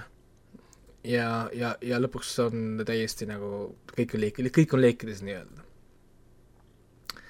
Ma pean äh, tunnistama äh,, äh, et see seriaal oli mul tegelikult, oleks olnud top kümme seriaal põhimõtteliselt. aga ma lihtsalt ei pannud teda listi. jälle, teil oli, ma kuidagi lohakalt te listite, ma saan aru, sest Hendrikul oli, oli siin ka muret filmide ja asjadega, et läks meelest ära teatud, ei, ma tegin INDB põhjal, aga ühel hetkel ma ei saanud enam aru, kuidas see INDB paganama tagantjärgi vaatamine nagu töötab, see ilmselt näitas mulle mingeid asju ja mingeid asju ei näidanud. ehk siis äh, jaa, kodutöö tegemata, istu, istu kaks, et tegelikult see seriaal oli minu jaoks ka põhimõtteliselt top kümme seriaal, mulle väga, väga, väga meeldis Hendrik, seriaal. palun Midnight vaata, Mass, jah, ma panen selle uuesti korraks siia e- e- ekraani peale ka, neljateistkümnes koht seriaalis Midnight Mass. Ja see on siin sellepärast, et sina panid selle endal seitsmendale kohale oma siis äh, listis, see see ei pannudki või? ei mis, teil viga on? Ragnar ju, just läks vabandas. meelest ära jälle. Ragnar, Ragnar just vabandas, et tal läks meelest ära, mina ei pannud, sest see oli average. ei no ma keskendusin niivõrd palju nagu filmide topile, et kui ma lõpuks seriaalide juurde jõudsin, siis ma kähku vaatasin läbi, mis mul IMDB-s on hinnatud. ja ma ei mõelnud rohkem nende peale, et ma ei ole võib-olla mõnda asja hinnanud, et ma peaksin läbi vaatama Netflixi selle activity log'i ja kõik siuksed asjad ja ma ei teinud seda, et ma lähtusin no ainult väga IMDB-st., väga piinlik, sest noh, olgu, mis see Mike Flanagan on selles mõttes, ta on ikka kõvasti muutunud vahepeal, et noh, armus temasse siin Hill House'is, Haunting of Hill House'is ära, siis nüüdseks on tema stiil ikka märgatavalt teistsuguseks muutunud nii-öelda. kas siis halvemuse või paremuse poole, see on igaühe enda otsustada, aga, aga mulle tema see sügavalt äh, emotsionaalne ja filosoofiline nägemus õudusest ikka kohutavalt meeldib, et ta on, mulle meeldib see, et ta on nii chill ja ta näeb nii palju vaeva, et see world building, see, see maailma ülesehitus oleks nagu öö, toimiv, et see oleks olemas, et see oleks mingi su- suvalist siin sarjas Midnight Massis kunagi ei toimu. samamoodi selles äh, Time Manoris, ta, mis oli täiesti teistsugune sari kui Hill House, samamoodi see Doctor Sleep oli jälle hoopis teistsugune, aga sa tunned kohe ära, et ah, see on Mike Flanagani film, see on Mike Flanagani seriaal. noh, Midnight Mass, ma olin kuskil hooaja keskel vist armusin ära, alguses mul ikka võttis üsna aega, et aru saada, kas mulle ikka meeldib või mitte. aga ma saan aru, et see ongi Flanagani teema, teema, et ta võtab su noh, võtab su käest kinni, näitab sulle maailma ja siis annab sulle aega, et otsustada ja kuskil keskel teeb selle kannapöörde ja siis sa oled nagu lidaki näkku saanud, et okei okay,, nüüd sa oled rahul oma eluga. ma nii palju segan, et äh, Argo ütleb, et aeg läheb äh, laivis kiiresti, järgmine kord jälle, siis tšau, ehk siis äh, jah, kuulame meid juba siis homme, kui saide on üleval, või siis äh, vaatame Eks õhtul. Youtube'is, sest Youtube'i ta vist jääb kohe alles, Twitch'is ta mingi hetk äh, kaob ära arhiivist. aga jah, SoundCloudist, kinoveebist, kinosaade.ee lehelt, igalt poolt mujalt teile jääb saated üles, eeldusel, et me midagi et, et tekki me, ei keera me. oleme sinu jaoks olemas, Argo, nii et edu sulle. Edu ja, ja edu, edu ka 4K pluuride kok-, kok-, kogumisel, sest äh, jagad meiega siis ühte seda haigust, mille, millega küüni, küünis me on siin, oleme. on, on, on, mida pärast ära osta, et noh. on, mida pärast osta. jep, aga on sul kõik siis äh, Midnight Massi kohta või, või on sul veel On. midagi lisada? võib-olla ütleks nii palju, et kes on kahelnud selles, kas tasub seda vaadata, siis siin, siin ei ole midagi kahelda. Kui sulle meeldivad head asjad, siis hakka vaatama. Nice. nii, ja ekraani peal ilmus järgmine film, neljateistkümnendal kohal on äh, Eesti film, ka vist ainukene uh. listi, listis võib-olla, on äh, Üht kaotust igavesti kandsin. ja see on äh,, kuidas ma siis ütlen, üks parimaid dokumentaalfilme, mis ma olen näinud. mitte ainult see aasta Oh. oh., vaid, vaid äh, üldse. Ja Vau, see ju nii sai palju- nii palju täna, täna, täna sai ta ka ju Neetsi Maali, siis Eesti parim film. kaks tuhat üks, kaks tuhat kakskümmend üks aasta siis äh, parim, parim film. ja ta see, ta sai need, varem väga... ka ju mingi Eesti auhinna ju EFTA-lt või kuskilt parim dokumentaalfilm. jah, vist oli, ja EFTA-lt sai ka, ja. Jah, EFTA oli ka, jah. ja, ja mul on ta neljas üldises tabelis, Ragnar andis ta seitsmeteistkümnenda koha ja tõesti, ta on niivõrd unikaalne story, et me ei näe sellist dokumentaalfilmi tõenäoliselt kunagi uuesti. no seda on põhimõtteliselt, ma ei tea, mitte võimatu nagu kopeerida, aga väga keeruline, ütleme nii. vahepeal siin Agnes on kommenteerinud, et kaksikud unustavad kõik asjad ära.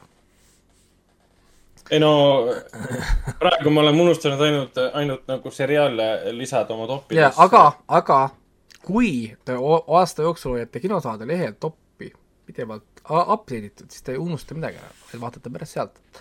lihtsalt uh, just, just a tip uh,, selline nali nagu öeldakse kristlastele kristlis, kristlikus laagris, just a, just a tip. nii um,, aga, aga see oli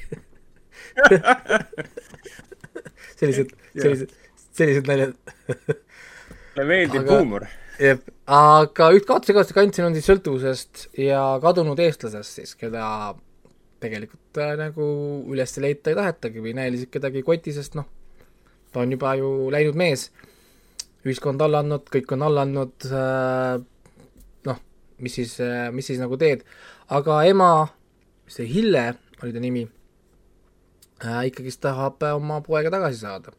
poeg on siis kadunud äh, kuskil, mis ta oli, mis riigist ta nüüd oli, tuletage mulle meelde, Kolumbia või? Kolumbia, jah. Kolumbias ja, ja siis äh, saadab oma tütre Eva siis oma nii-öelda Eva siis venda otsima ja siis ta läheb sinna koos siis selle Carlos L. Esmeesega, kes on ka siis selle lavastaja ja nii-öelda noh, nagu Eva sõber, kes oskab siis nii-öelda keelt ja kultuuri ja kõike nii-öelda on siis nagu teejuhiks. ja siis ongi siis teekond läbi selle riigi äh,, otsides tänavalt käies siis ühest nii-öelda nagu äh, ma ei tea, siis kodutute kohast teisest, kasutades erinevaid võimalusi, käies seal Kolumbia politsei juures ja, ja mida iganes veel. Nad olid, nad olid Bogotas, kui ma ei eksi. ja pealinnas jah, ja siis ta ütles ka, et seal on seitse miljonit elanikku vist oli, selles yes. linnas, mis on nagu rohkem kui Balti riikides kokku on. lihtsalt nii-öelda nagu infoks. Nii et äh, täiesti, täiesti crazy niisugune, niisugune story, ma ei spoil'i mitte midagi ja ise vaatate, ta on Teliates asjades igal pool saadaval. ja ei, selles mõttes tõesti, ta alguses natukene läheb aega, et sisse elada, see Eestisse niisugune sissejuhatav protsess ja värgid, aga moment, kui nad nii-öelda jõuavad sinna Kolumbiasse ja hakkab see story pihta, siis on nagu niisugune mõnus misteri, niisugune pool detektiiv, kas nad leiavad, millal nad leiavad, kus, kes, mis, mis vihjed on õiged, mis vihjed on valed ja nii edasi ja nii edasi ja ei, hästi lõigatud see ja monteerimine on kogu selle asja võti, nii et kes iganes selle kokku monteeris, on, on, on, on, on, on andekas inimene. Ja, ja ma usun, et, et tõenäoliselt seda film ootab veel edu, mitte ainult nagu Eestist, vaid ka välismaalt, mujalt festivalidelt, asjadelt, see, see film saab kindlasti tähelepanu, sest no, no siin on, seda on tõesti nagu, siin on asju, mida, mida nagu kiita, aga see pole kerge vaatamine. nii et jah, kellele meeldivad elulised tragöödiad või näha eestlasena, kuidas teised eestlased kannatavad, siis äh, tõesti, pole kaugemalt vaja. eestlaste lemmiksport. Pole vaja kaugemalt otsida, magustoit on olemas, nii et pange aga peale ja, ja, ja hakake vaatama, et jah, tõesti, tõesti, tõesti hea. Mul on full review olemas ka, pikk korralik lahmakas, mis ma öösel kirjutasin kohe peale seda, kui ma vaatasin, nii et selle ette siis äh, Kultuurikritiku lehelt, seda ma vist kinoveebi ei, ei, ei, ei pakkunudki, nii et. Ja kui tahate filmi näha näiteks, ma ei tea, kinoartise suurel ekraanil siis seda saab teha oota, kas ta laupäeval, viieteistkümnendal jaanuaril saab seda suurel ekraanil ka näha. Ja tõenäoliselt tuleb seesama, keda sina just mainisid, monteerija, helirežissöör ja helilooja tulevad kohale ka ja räägivad natukene seansi alguses filmist pikemalt ka. see on no, siis viisteist jaanuar. kino oli nagu on, on the top of your head nii-öelda, lihtsalt. ja lihtsalt tuli, tuli meelde, et üks kino näitab, vaata, et jaa, ei, aga lihtsalt ma ei olnudki kindel, et praegu no, no enam näitate nagu seda. Aga ei, me, ma võtsin ta uuesti, uuesti programmi puhtalt sellepärast, et ta võitis nüüd selle, selle au, auhinna. et no, no, no Nomaadimaad saab ka neljateistkümnendal näha. puhtalt sellepärast, et ta sai siis selle auhinna. kõik ma, mõlemad filmid on igalt poolt vaadatavad. ma pole ikka veel vaadanud Nomaadimaad, nii et äh, käsp mul on eelmisest aastast korralikult võlgu jäänud, Nomaadimaa on üks, Riders of the Justice äh,, Koda. mul on ka vaatamata Riders of Justice. jaa, nii et mul on, mul on teatud suured võlad, mis on what you gonna do, nii et äh, aga liigume sujuvalt edasi kolmeteistkümnenda kahe juurde seriaalides, milleks on siis Henriku poolt meie listis surutud tema number kuus aastal kaks tuhat kakskümmend üks, The Squid Game, võib-olla olete kuulnud seda nime võib-olla olete näinud seda pilti, äh, omajagu sai, paar vaatamist sai Netflixis äh,, paar, paar korda räägitud äh,, käinud läbi äh,, trenditud äh, tõesti äh, Lõuna-Korea seriaal, mis sai ka teise hooaja kinnitatud juba väga-väga kiiresti. nii, Hendrik, kuidas sa vabandad või selgitad või põhjendad seda protsessi, kuidas see Squid Game siia listi jõudis? saan aru, et keegi teist ei ole siis fänni jälle, jah? sest teie numbreid ma siin ei näe, et ma näen ainult ennast. ma ei pannud seda toppi sellepärast, et ma vaatasin ära vist viis episoodi ja ma ei ole lõpuni vaadanud. Jesus Christ. et minu arust selle seriaali haip oli nii suur, et kui ma lõpuks vaatama hakkasin, siis esimene episood oli ok. teine episood oli la-, oli ka ok. kolmas oli. ei, ei. kolmas ajas mind magama ja neljas ajas mind magama, et. Äh, oled vale lõpuks ma ei läinud nagu selle haibiga enam kaasa lihtsalt, et ma ei jaksanud seda vaadata lõpuks. ei jaksa seda kuulata, igatahes see, kes on näinud Squid Game'i, see ju tegelikult nagu nõustub minuga, kui ma ütlen, et see oli tõesti lambine, lambine üllataja. umbes välja mingi Squid Game, mina jõudsin ka selle rongi peale hästi hilja sest nagu hämmastav oli see, et mul ei spoilerdatud midagi, aga minu meelest mingi kaks-kolm nädalat mul kogu mu Facebook feed, noh, ma olen vana inimene, ma olen ikka Facebookis. Facebook vana feed oli kogu, kogu aeg oli täis Squid Game'i. Ja, ja ühel hetkel avastasin, et mu seinal, Facebooki seinal oli artikkel pealkirjaga, mida tähendas see number selles episoodis, siis ma sain nagu aru, et nüüd on vist aeg hakata vaatama, sest see põhi, mille põhjal neid uusi artikleid sel teemal kirjutada, nagu kohale jõudnud ja varsti spoilerdatakse mulle midagi ära, et noh. ma aru, et seda sarja ei osa, ei osatud mulle spoilerdada, et noh. igasugused on... Hawkeye'd ja muud asjad on mulle kõik ammu ära spoilerdatud, enne kui ma hakkasin vaatama lõpuks, et noh. On hea meel, et ma lõpuks vaatasin, see on, on nagu neid näitlejaid ma otseselt ei tea, kes siin peaosades on, üks näitleja on küll, keda ma ei saa, otseselt ei saa mainida, sest see on spoiler aga, aga väga kvaliteetne, sest Ragnar ka ei tea seda näitlejat, keda ma mõtlen. on ju, Ragnar? jaa, sest ta pole jõudnud veel, ta pole nii, ta pole sinnamaani jõudnud veel. üks tuntumaid Lõuna-Korea näitlejaid, üks tuntumaid Lõuna-Korea meesnäitlejaid, kes siin ühes rollis on. no eks ta on teinud jah, ta on teinud paar asja küll. Ta on, ta on Kang Ho Song on siin või? mõne, mõne, mõnes projektis. oota, Kang Ho Song või? parasiidi, parasiidi peaosatäitja aga Squid Game on sellepärast äge, et äh, ta tuli lambist, äh, ta on tegelikult lamp. Äh, selles mõttes kõik, mis siin toimub, on kogu aeg üks suur küsimärk, mis on nagu tohutu suur pluss. sa nagu mängid mängu ja sa õpid neid reegleid käigu pealt, nii nende mängus osalejatega kui ka ka mängu vaatajatega, ehk siis sina ise nii-öelda ja, ja see lõpp võib olla siin natukene vaieldav, kas ta kandis välja või ei kandnud, aga mina olen üks nendest küll, kes ootab teist hooaega, väga ootab ja mis ma panin ta siis seitsmendale või, et noh, kuues. et kuues koht minu meelest on väga väärikas. et, et no mina olin nagu täiesti konksu otsas mm,. eriti veel arvestades seda, et sellest oli miljon korda räägitud igal pool, et niimoodi, et mul olid oksendamisena, ei jaksanud rohkem Facebookis või ma ei osanud internetis rohkem käia. igal pool oli, vaatad vasakule on Squid Game, vaatad paremale on jälle Squid Game, et aitab küll seda enam oli hea üllatus, et sa hakkasid lõpuks vaatama ja ta oli ikka suur üllatus. et, et äh, kõige ägedam on see, et pärast, noh, algul oli Parasiit ja nüüd on Squid Game, et vahepeal oli siin Kingdomist sellisel kujul kunagi räägitud äh,. Sellest Hellboundist ei räägitud sellisel kujul.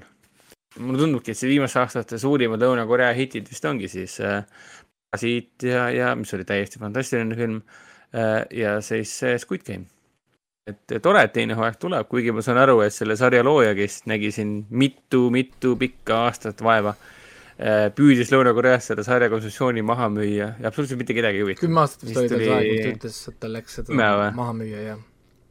Siis tegi mingi..., ei no Netflix tegi oma selle Aasia initsiatiivi ja kutsus projekti sisse ja tulemus oli see, et näe, siin on raha ka tegema, lavastud see on nagu unistuste nagu mingi partii ju.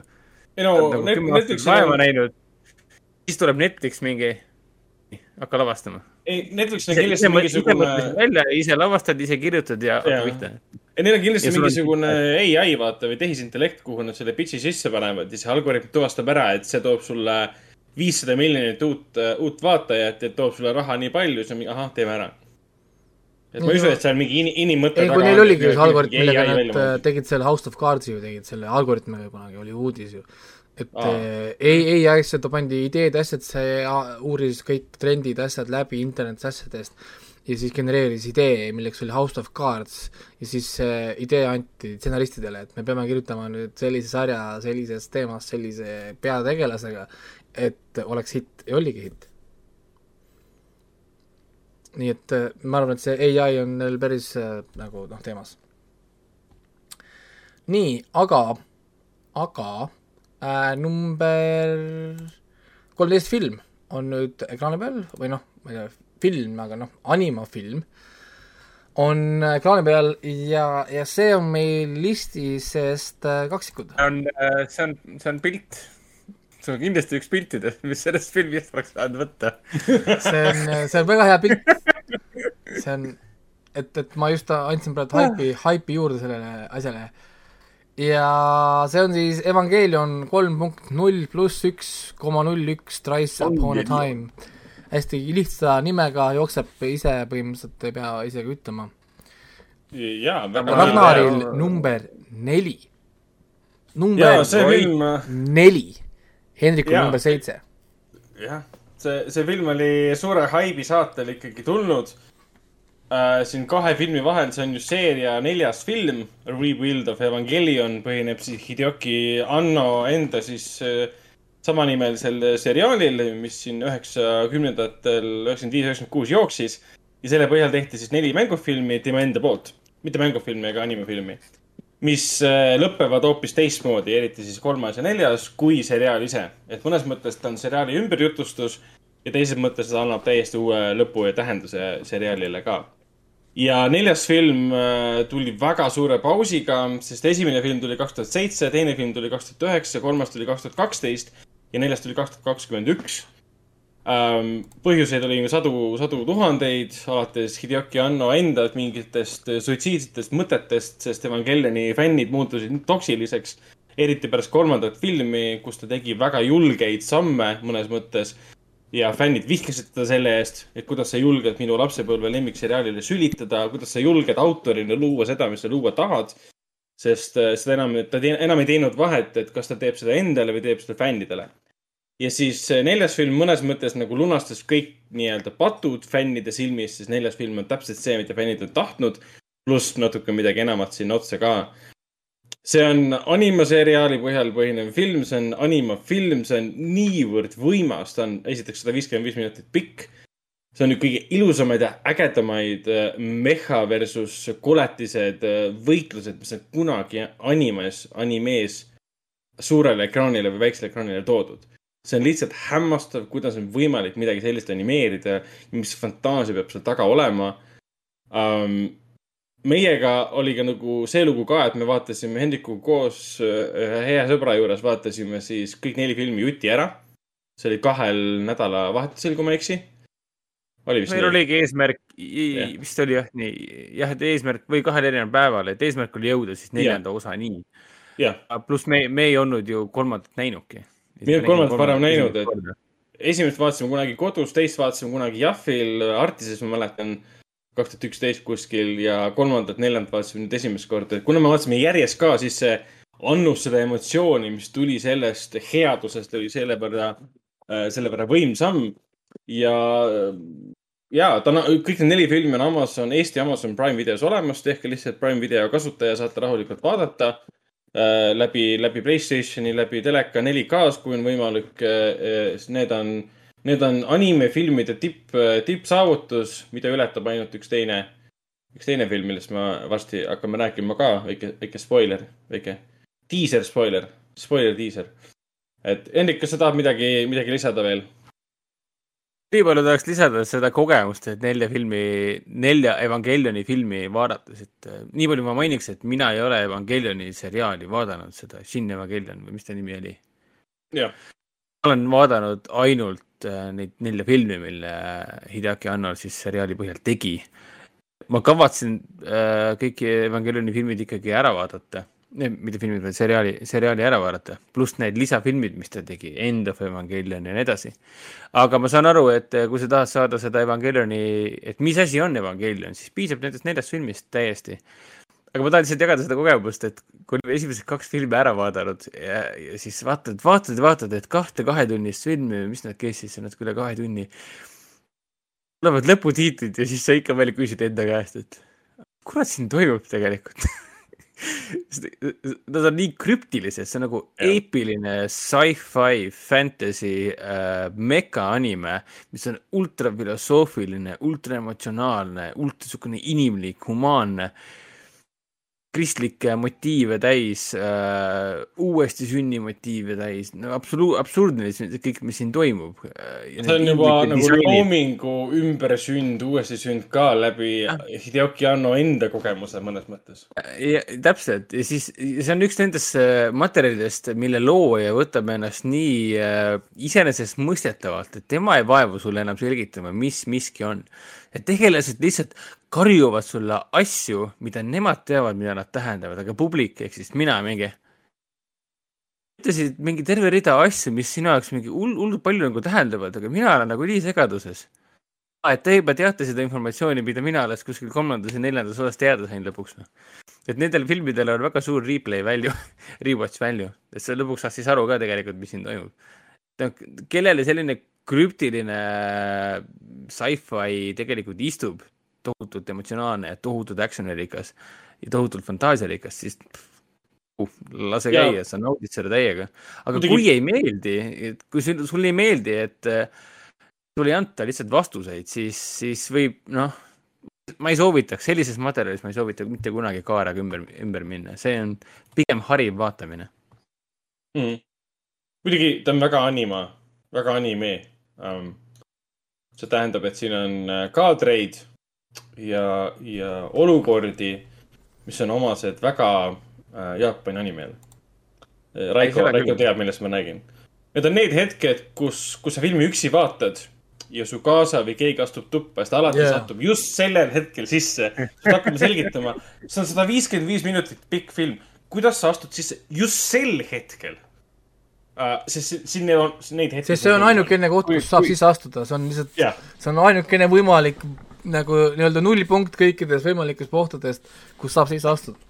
ma tean, ma olen, ma olen seda, olen seda läbi teinud ja, ja proovinud inimestele seletada ja mingi hetk lihtsalt lööd käega, ah fuck it, ma, ma vaatangi sellist stuff'i see on nagu eepriline sci-fi anime ja ometigi astub keegi äh, kõrvaline sulle tuppa just siis, kui üks peategelastest tuleb mingi anim-, animetüdruk tuleb poolenisti poolpaljana kuskilt duši alt välja. Ja loomulikult astutakse just siis sisse ja siis sa nagu viitsi selgitada, vahet ei ole. jep. no nii, liigume, liigume edasi, ekraani peale tuleb kaheteistkümnes äh, sari. kaheteistkümnendal kohal on meil Final Space. Ja see on siin nüüd kelle süü, mis te arvate? Hendriku süü, neljas, see on tema neljas sari sellel, mis sellel aastal, eelmisel aastal, kaks tuhat kakskümmend üks, number neli seriaal. Ja palun selgita meile, Pachimu. Pachimu uh,, Final Space on siis uh, Olan Rogelsi nimelise tegelase loodud ja David, David Saxi, aga põhiline tüüp on Olan Rogers uh, loodud äh, animaseriaal äh, kosmosekangelasest, kes lihtsalt satub vastutahtsi kosmiliste mängude keskele, võib vist nii öelda või? Tegu on siis juba nüüd siis kolmkümmend kuus episoodi kestnud ehk siis kolm hooaega ja kahetsusväärselt rohkem ei tule ka, sest teatatigi, et nüüd, nüüd jäigi pooleli ametlikult ja ma võin öelda küll seda, et see kolmas hooaeg ei ole tegelikult lõpp. lõpeb justkui lõpuna ära, aga ta ikkagi on cliffhanger. sellest sõltumata on ta, on kolm terviklikku hooaega, seda peab vaatama igal juhul, kui, äh, kui ikkagi meeldivad äh, Star Wars, äh, seesamune Guardians of the Galaxy, Indiana Jones, kõik niisugune muhe, mõnus fantaasia, action, mille peategelaseks on niisugune ülbe, sarmikas, debiilne, a la Firefly põhimõtteliselt ka nagu Star Wars, Firefly ja Guardians of the Galaxy, et kui selline stiil sobib, siis Final Space oli, mina arvasin, arvasin väga kiiresti ära, et ma esimesed kaks hooaega lihtsalt hammustasin ülikiiresti läbi. ja nüüd ma olen siin lähiajal pärast kolmanda hooaja lõppu mõelnud, et ma peaks seda uuesti vaatama ka. ülieepiline sci-fi hea kurja võitlusest, kui kiiresti kokku võtta. Ja siin inimesed kiidavad lihtsalt-, kiidavad, ma olen äh, nõus, inimesed kiidavad seda päris palju. pidevalt mulle ka öeldi, et miks sa ei vaata. no täpselt, ta on ikka puhas eepika ja kõik kolm hooaega nüüd Netflixis ka täitsa saadaval Eestis. kolmas hooaeg oli pikka aega kuskil mujal, istus seal Adult Swimis kuskil barjääride taga, mina ka sinna ligi ei saanud. lõpuks ilmus siis HBO Maxi, kui ma ei eksi, sain siis sealt lõpuks vaadata ja lõpuks ilmus siis Netflixi ka veel. Et eh, ta on, ta on eepika, aga ta, kõige ägedam see, et ta on suure südamega ja hästi lõbus ja hästi värvikate tegelastega eepika. ja ta, ma unustamegi, et ta on kahekümne minutilised episoodid ja nad, Olan Rogerisil on nagu hämmastav võime, ta annab hääle ka veel esimese, peategelasele Gary Goodspeedile ja paarile teisele, teisele tegelasele ka. ja tal on hämmastav võime kahekümne minuti sisse kirjutada kohutavalt palju sisu. nagu kahekümne minuti jooksul, kui ma siin vaatan seda Apple TV Invasionit ja siis neljakümne viie minuti jooksul toimub nii vähe. nii palju raha alla pandud, et imelik hakkab reaalselt sa vaatad seda Final Space'i ühte kahekümne minutilist, kahekümne ühe minutilist episoodi ja seal on niivõrd palju sisuarendusi, niivõrd palju emotsiooni, nii palju karakteri muudatusi, muutusi äh,, pisarate valamisi, action'it, et see on lihtsalt hämmastav, milline, milline energia, milline veri ja milline higi on sinna alla läinud. Et eh, ma oleksin isegi pi- pidanud selle sarja isegi kõrgemale panema kuskile teisele või kolmandale kohale. et see kolmas hooaeg nagu täitsa tõestas ka ennast, et eh, nad ei väsi ära ka, et No kõigest kolm hooaega. aga, aga kuna meil on äh, nii palju veel minna, meil on kaksteist kohta ja siis me peame natukene tõstma tempot, meil on kakskümmend kolm asja rääkida, meil on tükk, põhimõtteliselt tund aega jäänud, ehk siis kaks-kolm minutit per kärss, alustame kohe kaheteistkümnendal kohal olevast filmist, milleks on imeline, mõnus Judas and the Black Messiah. tõesti, minu arust üks aasta tugevamaid ja parimaid äh, filme, easy, ja Ragnar arvas, et äh, piisavalt hea, et olla top kümnes, milleks äh, ta pani siis kümnendale, ma andsin endale kuuenda koha. ja minu niisugune kommentaar filmi kohta ongi see, et tal on see power element on väga võimas. ütleme selles mõttes, siin on nii palju niisuguseid nagu stseene, mida sa saad nagu tagantjärgi lahata, nii palju. eriti see, mida ma võin öelda nüüd juba kuulus stseen, We are the revolutionary või see ähm, noh, whatever, ühesõnaga äh, see tseen ja, ja, ja kuidas see Daniel Kaluuya mängib siis seda nii-öelda oraatorit ja mm -hmm. ja, ja see Shaka Kingi lavastamine ja kuidas ta nagu ei vali tegelikult pooli, ta räägib rassismist nii ilma värvita, mis on tegelikult nagu niisugune keeru-, keeruline, keeruline skill, mitte nagu libiseda pidevalt üle selle mingi väga kitsa joone või noh nagu ja ja ei, tõsiselt äh, ilusti, siin on nii mõnusaid tsitaat, see tsit-, tsitaate, nagu see uh, A badge is scarier than a gun. või noh, nagu see uh, noh, nojah, niisugused see tulenes sellest stseenist, kus ta tuli sinna sisse ühte restorani ja varastas auto. Ja ta mängis, et ta on politseinik ja kõik kartsid teda kohe. Ja et, et kui sa lähed relvaga, nagu ta ütles, see pole pooltki nii hirmus kui see, kui sa lähed sinna badge'iga. ja, ja, ja see Fred Hamptoni lugu on muidugi traagiline, on ju see tõsieluline aspekt ja niisugune selline eluline ebaõiglus, võib-olla õiglus, kes kust poolt vaatab, on ju. nii kihvt story, see on raske story, see on see, see on sügav, sügav draama, see on näitlejate, näitlejate show äh,, see Lakeith Stanfield paneb siin noh, ennast äh, tabelitesse kirja ja Daniel Kaluuya muidugi sai siin ju auhinda selle rolliga. tema sai jah Oscari, et mõlemad kandideerisid tegelikult siis kõrvalosale. nii et äh, igal juhul, just igal juhul on, on, on, on, on jah. film film ikka, ikka nagu naeruväärselt tugev, tugev film ja ülimalt ala promotud tegelikult. see film on nii vähe tegelikult minust räägitud või mainstreamidest nagu läbi käinud ja mina ei teadnud, et see film eksisteerib enne, kui mulle tuli kiri, et kuule, kirjuta sellest filmist, ma pidin guugeldama, mis kuradi film on Judas and the Black Messiah. nojah, ta tuli otse, otse HBO Maxi kaks tuhat kakskümmend üks veebruar. Äh, ja USA-s tal oli mingisugune väike reliis, Eestis ta pidi ka tulema, võeti kal- kalendrist ära ja kaduski nagu ära ja praegu vaatan ka, et see Shaka King tegelikult INDB järgi tal ei ole järgmist projekti, mis on nagu hämmastav. Ei no äkki ta ei taha äkki ta ei taha teha võib-olla ei taha. et, et, et, et ta Aga- teeb passion projekte. aga olgu, meil on aeg täis, liigume edasi number üksteist äh, seriaalides, milleks on ekraanil olev äh, väga sõbralik peremees ah. Kelleks on Geralt ja, ja me räägime Mille ikkagi? siis Netflixi mm. Witcherist. nüüd me hakkame jõudma siis siia territooriumile, kus enamus seriaalid, asjad, mis siin listis hakkavad tulema, on meie kõikidel kolmel äh, nagu olemas äh,, sest siia kõrgusesse enam ei, ei naljalt ei jõua äh,. nii äh,, Witcher minul üheksas, Ragnaril üheksas, Henrikul üheksateistkümnes, what the fuck, mis juht, mida kuradit? sorry, aga see teine hooaeg eh, ei olnud väga vaatamist aga ta ei ole enam nii hea kui esimene. oota, Julged sõnad. oota, kus see bänninupp oli siin nüüd, vaata kuidas see siin käib? Discordis see on disable video, aga nende jaoks see. ma saan panna ju talle mute, vaata, et ta räägib ja me noogutame kaasa mm, -hmm, aga tegelikult on Cricket, cricket noises. tegelikult terve aeg on kriket aga sa ei saa öelda, mis sul üheksandal kohal oli? äh,. tema üheksanda kohal on, ma ütlen kohe, mis tal oli, see on möödas, Solar Opposites oli tal. okei, okei, okei, okei.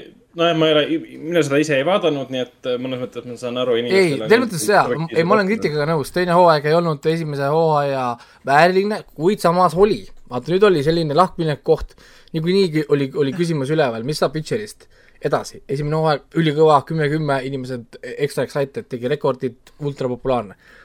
mis saab edasi? teine hooaeg on nauditav. siis on äh, nauditav. teisel hooajal nad tegid selle otsuse, et nad äh, lükkavad lahku ennast materjalidest ja mängudest. sest kui mm. -hmm. nad jäävad selle külge kinni, siis nad mingil määral nad kaotavad iseenda identiteedi ehk siis olla omaette seriaal.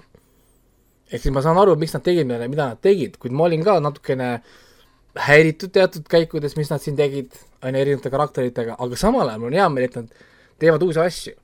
mul on asju, mida vaadata, mida oodata, on ju.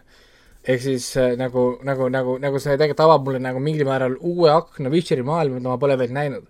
ehk siis äh, ja see, mis nad teevad, see uus asi, pole tegelikult kuidagi kvaliteetselt halvem kui see, mis oli nagu originaalselt. aga siin on sama niisugune troop, mis me nägime võib-olla Game of Thronesis, et põhjusega on George Martin autor, mitte stsenaristid, loo autorid. ehk siis äh, see on väga niisugune slippery slope, on ju, ehk siis see põhjusega on üks mees kirjutanud selle ja mitte need viisteist, whatever palju stsenariste seal on. ehk siis ma jumala, jumala eest praegu loodan, et nad ei lähe siin väga pöördesse, et no me nüüd teeme kõik, ei, natukene mine kõrvale, aga mitte, ära ära hakka selle päris nagu äh, crazy, crazy't panema, et sest see Witcheri maailm on alles alguses, et kõik filmid ja seriaalid ja animafilmid ja mis iganes kolmandad-neljandad hooaegad on alles tulemas. et ta saab ainult paremaks minna. Ma loodan, et ta saab paremaks minna, ma loodan, et siin ei teki mingisugune konflikt ja läheb ainult halvemaks. aga, aga mina väga nautisin seda, mida ma nägin, Jaskeri laulud olid endiselt väga bängerid. Nad olid väga lit Jah. laulud. on, on, burn, Butcher, burn. burn Ja- Butcher, burn, Butcher. või isegi pro, ei proovi samamoodi laulda. ja, ja ei, see on jah ja see Jaskeri näitleja ongi tegelikult laulja, tal on mingi bänd ka Spotify's. kuule, see sai ju ka ju, see sai ju mingi, kuskil oli mingi uudis, et nad said mingi üks koma kaks miljonit subscriber'it kuskil Legendary'l endal või midagi. ah,. no aga ma tahaks, ma tahaks seda küll mainida, et äh, mis selle Jaskeri näitleja nimi on, Joey Pats või mis ta nimi oli jah. ma tahaks seda küll mainida, et nagu that guy is ripped teises hooajas nagu. jaa. kui see, kui see Oja tseen tuli, siis enne kui need back-up'ikud välja ilmusid, siis ma vaatasin küll mingi oh my siuke George Takei moment tekkis. oh my ja, aga vaata, see on see kohustuslik see, mida näitlejad teevad, et nad äh, saavad Jaa. rolliks nagu ripped ja nad peavad korraks järgi ära võtma, siis kogu maailm mingi, aa. ei no see oli ju see, vaata, see näitleja, issand see India, India koomik, selle Eternalsis ju ajas ennast õhkli musklisse terve film näidata ja need ei, ei saanudki. aga tegelikult aeg on edasi liikuda, üksteist koht film ekraani peal.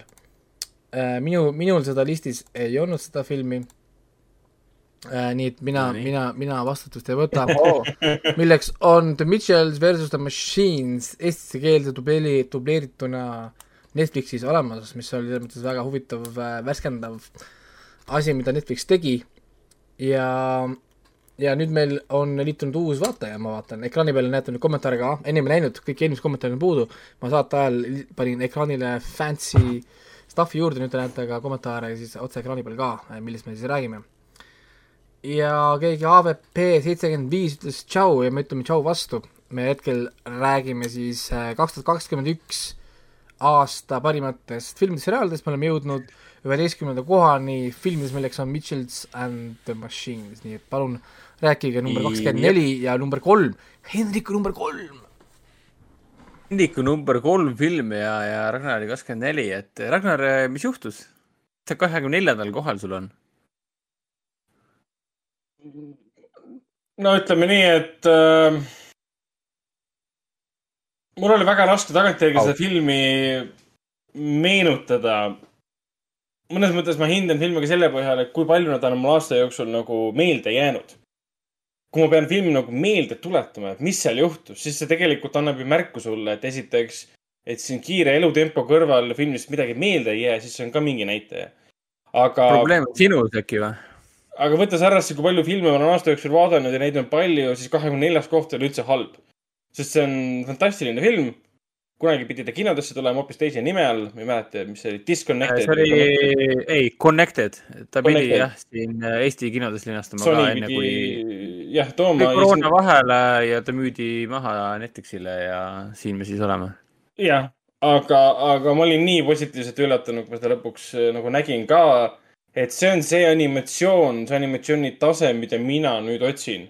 et kui Disney või siis Pixari puhul sa vaatad Rayat ja tunned ennast nagu väga hästi, sest see on see, mida sa näha tahad. aga hiljuti kõik see Luka, mis ma vaatasin ära, Soul, see oli see, et ok. ja siis see Machines, Mitchell versus the Machines tõi selle, tõi selle armastuse jälle tagasi, et ma tahan sellist animatsiooni rohkem näha, kui ma tahan mingit kolmesaja miljoniga tehtud, tehtud Pixari või siis Disney animatsiooni näha. Sest see film on andekas, ta on naljakas, ta on ootamatu, ta rakendab erinevaid animatsioonistiile, ta ei jää kinni ühte stiili äh,. häälnäitlejad ja kõik vapustavad, ma pakun, et Eesti, Eesti dublaas on ka tegelikult väga hea. ma ei ole küll Eesti dublaasi ise vaadanud ega, ega kuulanud ega testinud ei, oli Et- täitsa korralik oli. ja, ja, ja mm, tõesti tore, tore perefilm, mida isegi eh, väiksemate lastega vabalt võiks koos vaadata. jaa, aga jälle, Selle- meil on, meil on kahjuks aeg, aeg on seljas. ja juba igaks on juhuks mainis veel No. juhuks mainis veel Mitchells versus Machine'i kohta nii palju, et kui Ragnar mainis, et talle ei tulnud nagu film meelde otseselt ja seepärast oli kahekümne neljandal kohal. Aga minul oli kolmandal kohal ta seepärast, et see oli üks nendest filmidest, mis mulle kohe meelde tuli, sest tal on niivõrd positiivse vibe'iga emotsioon on tal. no et, et, et see on üks nendest filmidest, kui sa oled ta ära vaadanud, siis ta lihtsalt, sa nagu üle kogu keha nagu värises sellest, kui hea see oli, kui mõnusa vibe'i sa sellest filmist said. see on üks nendest filmidest, et kui no pole näinud, sellepärast ta sul oli ka top kolmes aga olgu, meil on ekraani peal nüüd äh, esi, esimene top kümme, milleks on äh, Shadow and Bone Netflixis äh, i- Handsome guy. Ilus mees on äh, ekraani peal praegult jah, ja siis äh, kohe ta on läinud, vot seal ta läks. ja, ja nüüd on vaja rääkida teie poolt siis jälle, miks ta siin on, Ragnaril tervelt neljas seriaal äh,, Hendrikul oli kümnes, mina mõttega sellepärast, et ta oli natukene liiga geneerik, kuna meil oli Twitcher, see Witcher juba see aasta olemas, niisugune tugev fantasy žanri esindaja, siis Shadowbone minu arust nagu ei olnud äh, nii-öelda nagu päris sealmaal Shadowbone. ja, ja, ja siis äh, oli veel Sweet Tooth, mis tegelikult läks sarnasesse auku ja kuidagi nad kõik nagu overlap isid mingil määral, siis, siis äh, ei saanud neid kõiki sinna nagu toppida. ei no minu jaoks ma pingisin, see oli üks, ma ei tea, kas ta oli esimese selle aasta seriaal. aga igatahes, igatahes ma pingisin ta nii kiiresti läbi, kui ta kohe, kohe, kui ta välja tuli. ta oli vist juunis või? aprillis tuli välja, vot. Sest mulle, mulle väga meeldis, ma sellest raamatuseeriast mitte midagi ei tea, sellest autorist midagi ei tea. aga ma tean äh, ühte näitlejat. kas maailmast mitte midagi ei tea? ei, ei, ei, ühte näitlejat põhimõtteliselt teadsin, see Ben Barnes. nüüd ma leidsin endale uue lemmiknäitleja, okei okay,, mitte lemmiknäitleja. väga hea mulje jätnud näitleja leidsin, kelleks on siis Jessie May Lay, kes on siis Shadow and, Shadow and Bone'i peaosatäitja. uh,. minu arust see seriaal jookseb väga hästi sellises, sellise, selle, selle, selle kalju serva peal, et ta ei ole täielik young adult ja ta on rohkem nagu klassikaline fantaasiaseriaal. aga mõnes mõttes ta on young adult sellepärast, et sul on noor inimene, kes avastab, et tal on mingi võime maailma muuta No. Nagu, wow. kus ma seda näinud ei ole. et AVP seitsekümmend viis lisab sarja kohta, et võttis tubli kaks-kolm episoodi aega, et käima saada ja hoomata seda maailma. aga kui läks käima, siis läks korralikult. nojah, täpselt, et see Samad, korralikult käima minemine on jah, täiesti individu-, individuaalne kindlasti. aga mul läks kohe tööle. eriti just see, et mina alustasin Shadow and Bone'i Netflixis äh, vaatamisega üsnagi negatiivselt, selles mõttes, et vaatasin treilerit, vaatasin postreid, vaatasin kõike seda, mis seda ümber on, et ta nägi välja nagu mingisugune kiirane young adult, et, et miks ma peaksin seda vaatama. Ei teagi, miks ma lõpuks ta tööle panin, võib-olla sellepärast, et äh, mitte see st- storyline, võib-olla see No üks nii. lause tundus huvitav, ja aga lihtsalt, lihtsalt kui ma, kui ma olin ta tööle pannud, siis ma teadsin, siis ma juba vist teisest episoodist alates enam ei suutnud kinni panna, No sest äh, näitlejad ja maailm oli liiga fucking ja huvitav., ja, ja ka, ja ka juba möödas, juba olen kümnes koht film, milleks, milleks äh,, milleks on meil see tore Malignant. Malignant äh. ja, ja nüüd me oleme tõesti jõudnud ka nii-öelda top kümnesse ja see film oli meil siis kõikidel jälle olemas. see oli siis minul kolmeteistkümnes, Hendrikul kuueteistkümnes, Ragnaril kaheksas ja see film oli lihtsalt fucking badass. Oli. ja, ja, ja ol-, ma teen hästi kiiresti paar niisugust pointi, esiteks see on weird as fuck, sellepärast et sa kogu aeg mõtled, mis siin toimub, what the heck is going on, lõpu twist, filmi keskel sa arvad selle ära, kuid see ei vähenda absoluutselt seda power'it, mida see film toob, ja eriti ma toon välja, et minu üks lemmikuid stseene ever, mitte nagu aastas, vaid üldse ever, on see politseijaoskonna action stseen, kes jah. kurat selle välja mõtles, lihtsalt kummardada inimesele, kes selle koreograafia tegi, holy crap, ja kes selle välja näitles, kes oli see fucking äh, stunt double, kes tegi need liigutused seal, oh my god, inimesed, ja see kaameratöö seal, see kaameratöö, laudade alt ümber, üle kaamera, mul oli nagu oh my, nii kihvt oli see. Kinos oli lihtsalt nagu mind Jaa. blown. see oli, see oli nii absurdseid hetki nii palju täis ja ma tsiteeriksin iseennast äh, neljandast äh, septembrist, kus ma ütlesin siis, et äh, James Wan pole alates äh, kahe tuhande kuueteistkümnenda aasta The Conjuring järjest äh, ühtegi õudusfilmi lavastanud, ainult produtseerinud ja lugusid kirjutanud. ning nüüd on ta tagasi kogu selle arsenaliga, mida omandas Aquamani ja Fast and Furious seitsme juures ja tegi valmis veidrat, naljaka, täiesti sõgeda ja stiilipahvatusi täis õudusfilmi. ja siiamaani ma olen sellega täiesti nõus. sest need loomingulised valikud, mis ta ühel hetkel tegi, olid umbes niimoodi, et mida ma siis vaatan, on see nüüd õudusfilm, on see mingi šlokk masterpiece, on see B-film, mis see on? aga lõpus polnudki vahet, mis see on, sest see kõik oli äge. no nii, Hendrik, eriti just see, et sa lähed sa lähed vaatama, sa lähed vaatama James Manni filmi ja minu esimene, esimene kogemus esimesest poolest sellest filmist oli see, et nagu James Mann sellise filmi tegi ja kuskilt teisest poolest läks asi nagu niimoodi käima ja sellise raevuka hooga, et ma ei suutnud naeru kinni hoida mingitel Jah. momentidel, sest see läks nii absurdseks, niivõrd ilgusaks, niivõrd rõvedaks, niivõrd debiilseks ära, et ma olin nii õnnelik, et seal kinosaalis olla ja seda filmi vaadata. aga kui sa oled õudusfilmi vaadates kinos õnnelik, siiralt õnnelik, siis midagi on ikka hästi õnnestunud. jah, jah, nii et äh, jah, soovitame vaadata, kes iganes, millal iganes saab, suurepärane film, nüüd aga liigume sarjade juurde, üheksas koht on ekraani peal härra Kati Winslet äh, Munaverest on läinud hoopis äh, idalinna ja idalinnas on ta mare ja seal ta lahendab äh, lahendab äh, mõrvasid äh,. nii äh,, vahepeal nüüd äh, AVP on küsinud huvitava küsimuse meie käest, et ta ikkagi ei saa aru, miks üks tegelane parkis enda auto kolmkümmend sentimeetrit eemal kuristikust. see on nüüd äh, see, see on sellepärast, et ta postis pani talle sinna selle kalju ja kuristiku ja pärast hakkasid mõtlema mingi, oota, see just ei ole loogiline. päris, päris, päris elust oli kõik Greenskini juures tõenäoliselt lihtsalt. talle meeldib, mis kuristikust jutt on? ei, siis kui see tema õde läks, vaata sinna hullumajja. siis ta jättis auto ju parkis ära. Ja auto nagu sõitis sinna, parkis täpselt niimoodi, kaks sentimeetrit eemal oli kalju, et miks sa teed see oli seda. väga debiilne ja see on see, sest elu on seiklus. see käis asja juurde jälle, see on, see on, see on autori jaa. valik. jah, nii, aga Idalinna mare, HBO äh,, kiired, kiired mõtted äh,, mida me räägime. peale selle, et see on äh, näitleja niisugune meisterklassi töö, Kate Winslet lihtsalt Jah. äh, nauding vaadata, nii toores, nii ilustamata ja tõepoolest see väikelinna elu sa noh, sa tunned seda, sa saad aru, et sa oled, sa oled elanud selles linnas, sa, sa tead neid inimesi, on ju, sa tunned neid nagu stuff'i. ja, ja kuigi see puänt nad natukene mängisid üle, rikkusid minu jaoks ära, aga ma saan aru, et enamus inimesed vist ei saanud aru sellest äh, twistist, siis, siis minu arust, minu arust oli see tõesti aasta üks parimaid äh, krimiseriaale. ja täiesti nõus, hästi mõnus, ütleme sihuke augutäide või selle tühja tunde täide, mille esialgse tunde tekitas kunagi True Detective. Ja siis teine hooaeg oli see, et mis see on, siis tuli kolmas hooaeg. okei okay,, peaks lõpuni vaatama ja, ja kui sa tahad näha tõsist, karmi, olustikulist äh, äh, krimiseriaali, siis see on sinu jaoks. jep, ja no nii palju mainin, et ma, see on üks ainuke koht, kus me olime põhimõtteliselt kõik enam-vähem võrdselt nõus. kümme, üksteist, kaksteist, Ragnar, mina ja Hendrik seriaalides. ehk siis piisavalt hea, et olla meeldejääv, olla top kümne või lähedal, aga mitte nii hea, et olla nii-öelda raputavalt hea.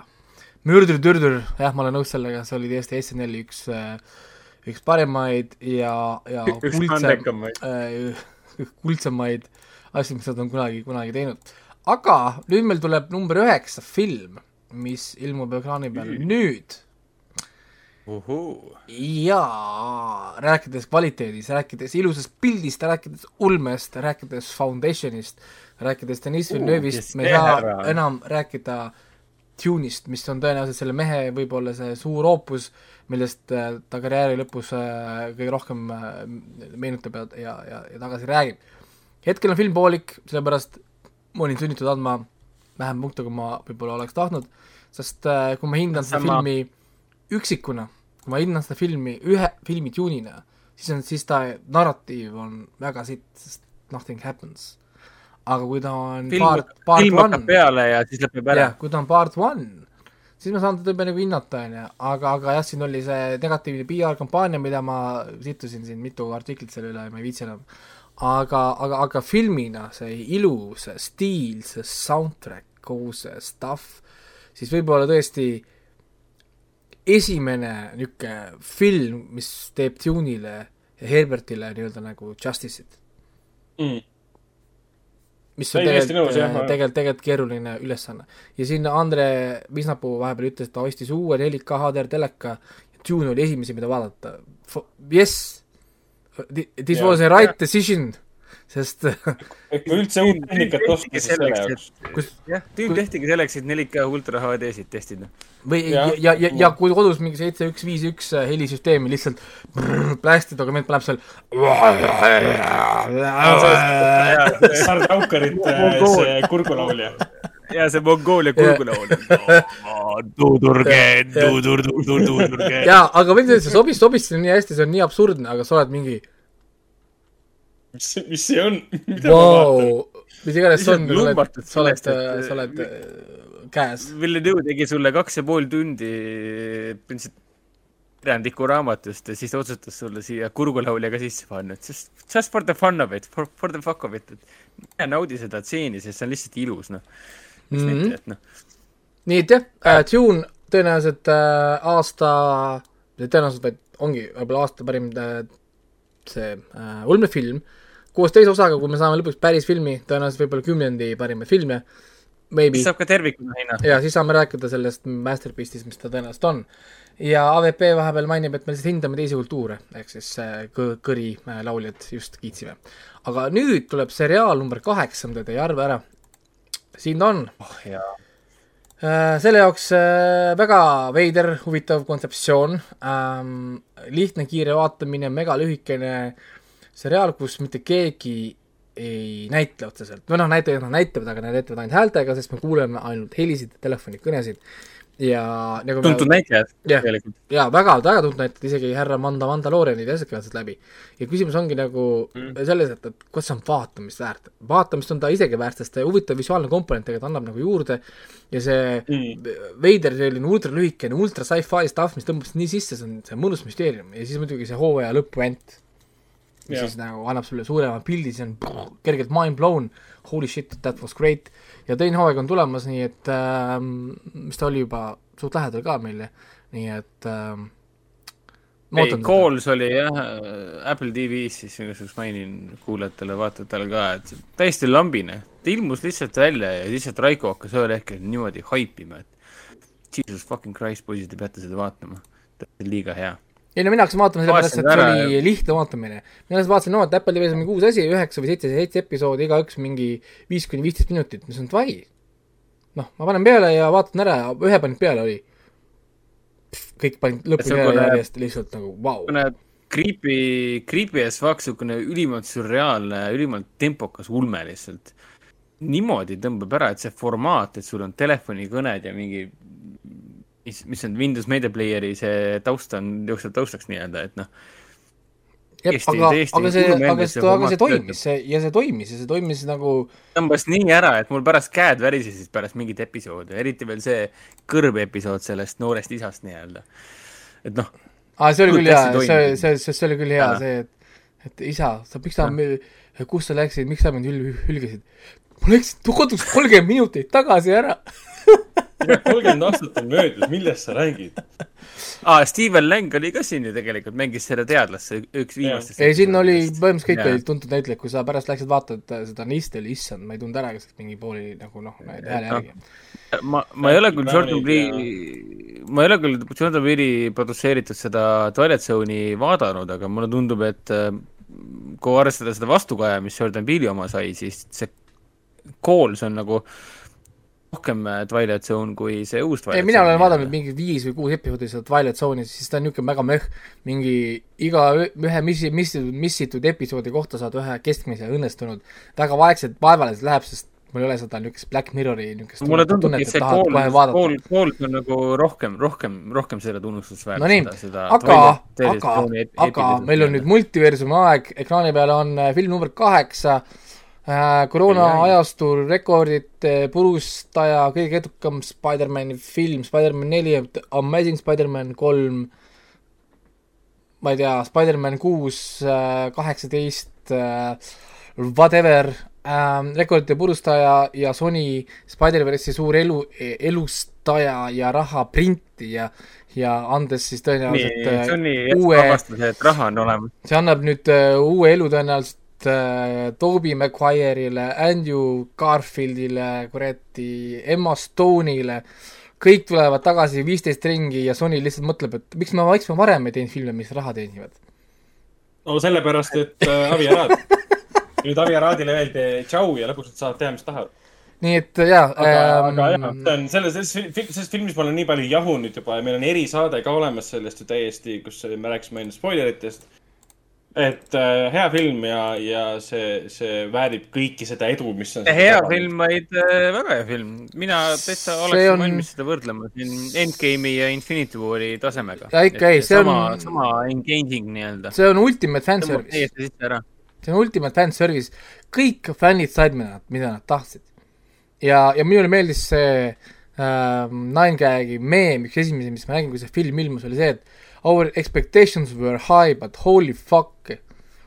ja, ja tõepoolest, sa istud, naerad äh,, meemid tulevad üksteise otsa, I am some, something of a scientist myself ja rahvas naerab ja kõik elavad kas et ta kaasa. tõi nagu rahva uuesti kinno, kus rahvas sai maniakaalselt, naerda, kaasa karjuda, kaasa hüüda ja kõik võtsid seda normaalsena, sest see on okei okay.. jah, see see nagu toimis, see oli see oli nii kihvt ja nii mõnus.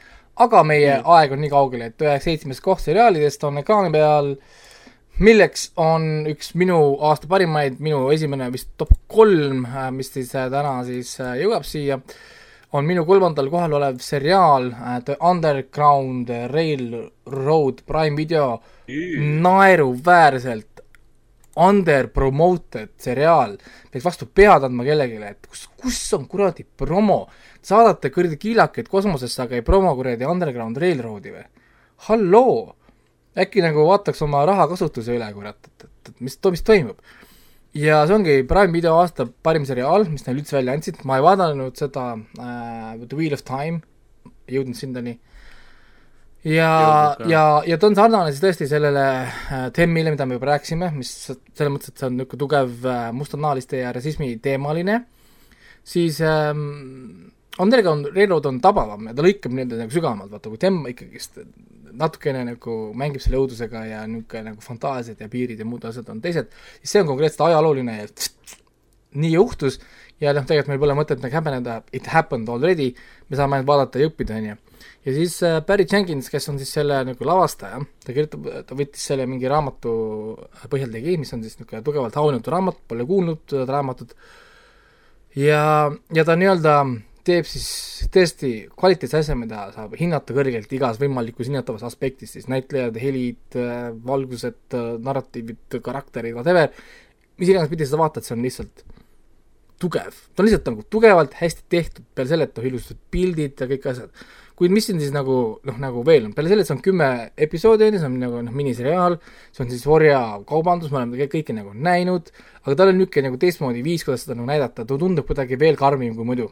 Või nagu, võib-olla lähedasem kui muidu, me oleme näinud neid of Slave ja me oleme näinud neid pekstud orje ja värke tegelikult, mis enam ei koti ausalt öeldes. Antebellum ja nii edasi. siis, äh, siis siin kuidagi it hit harder või nagu ta lööb kõvemini siin mingil määral see äh, noh, nagu noh, noh nagu see teema.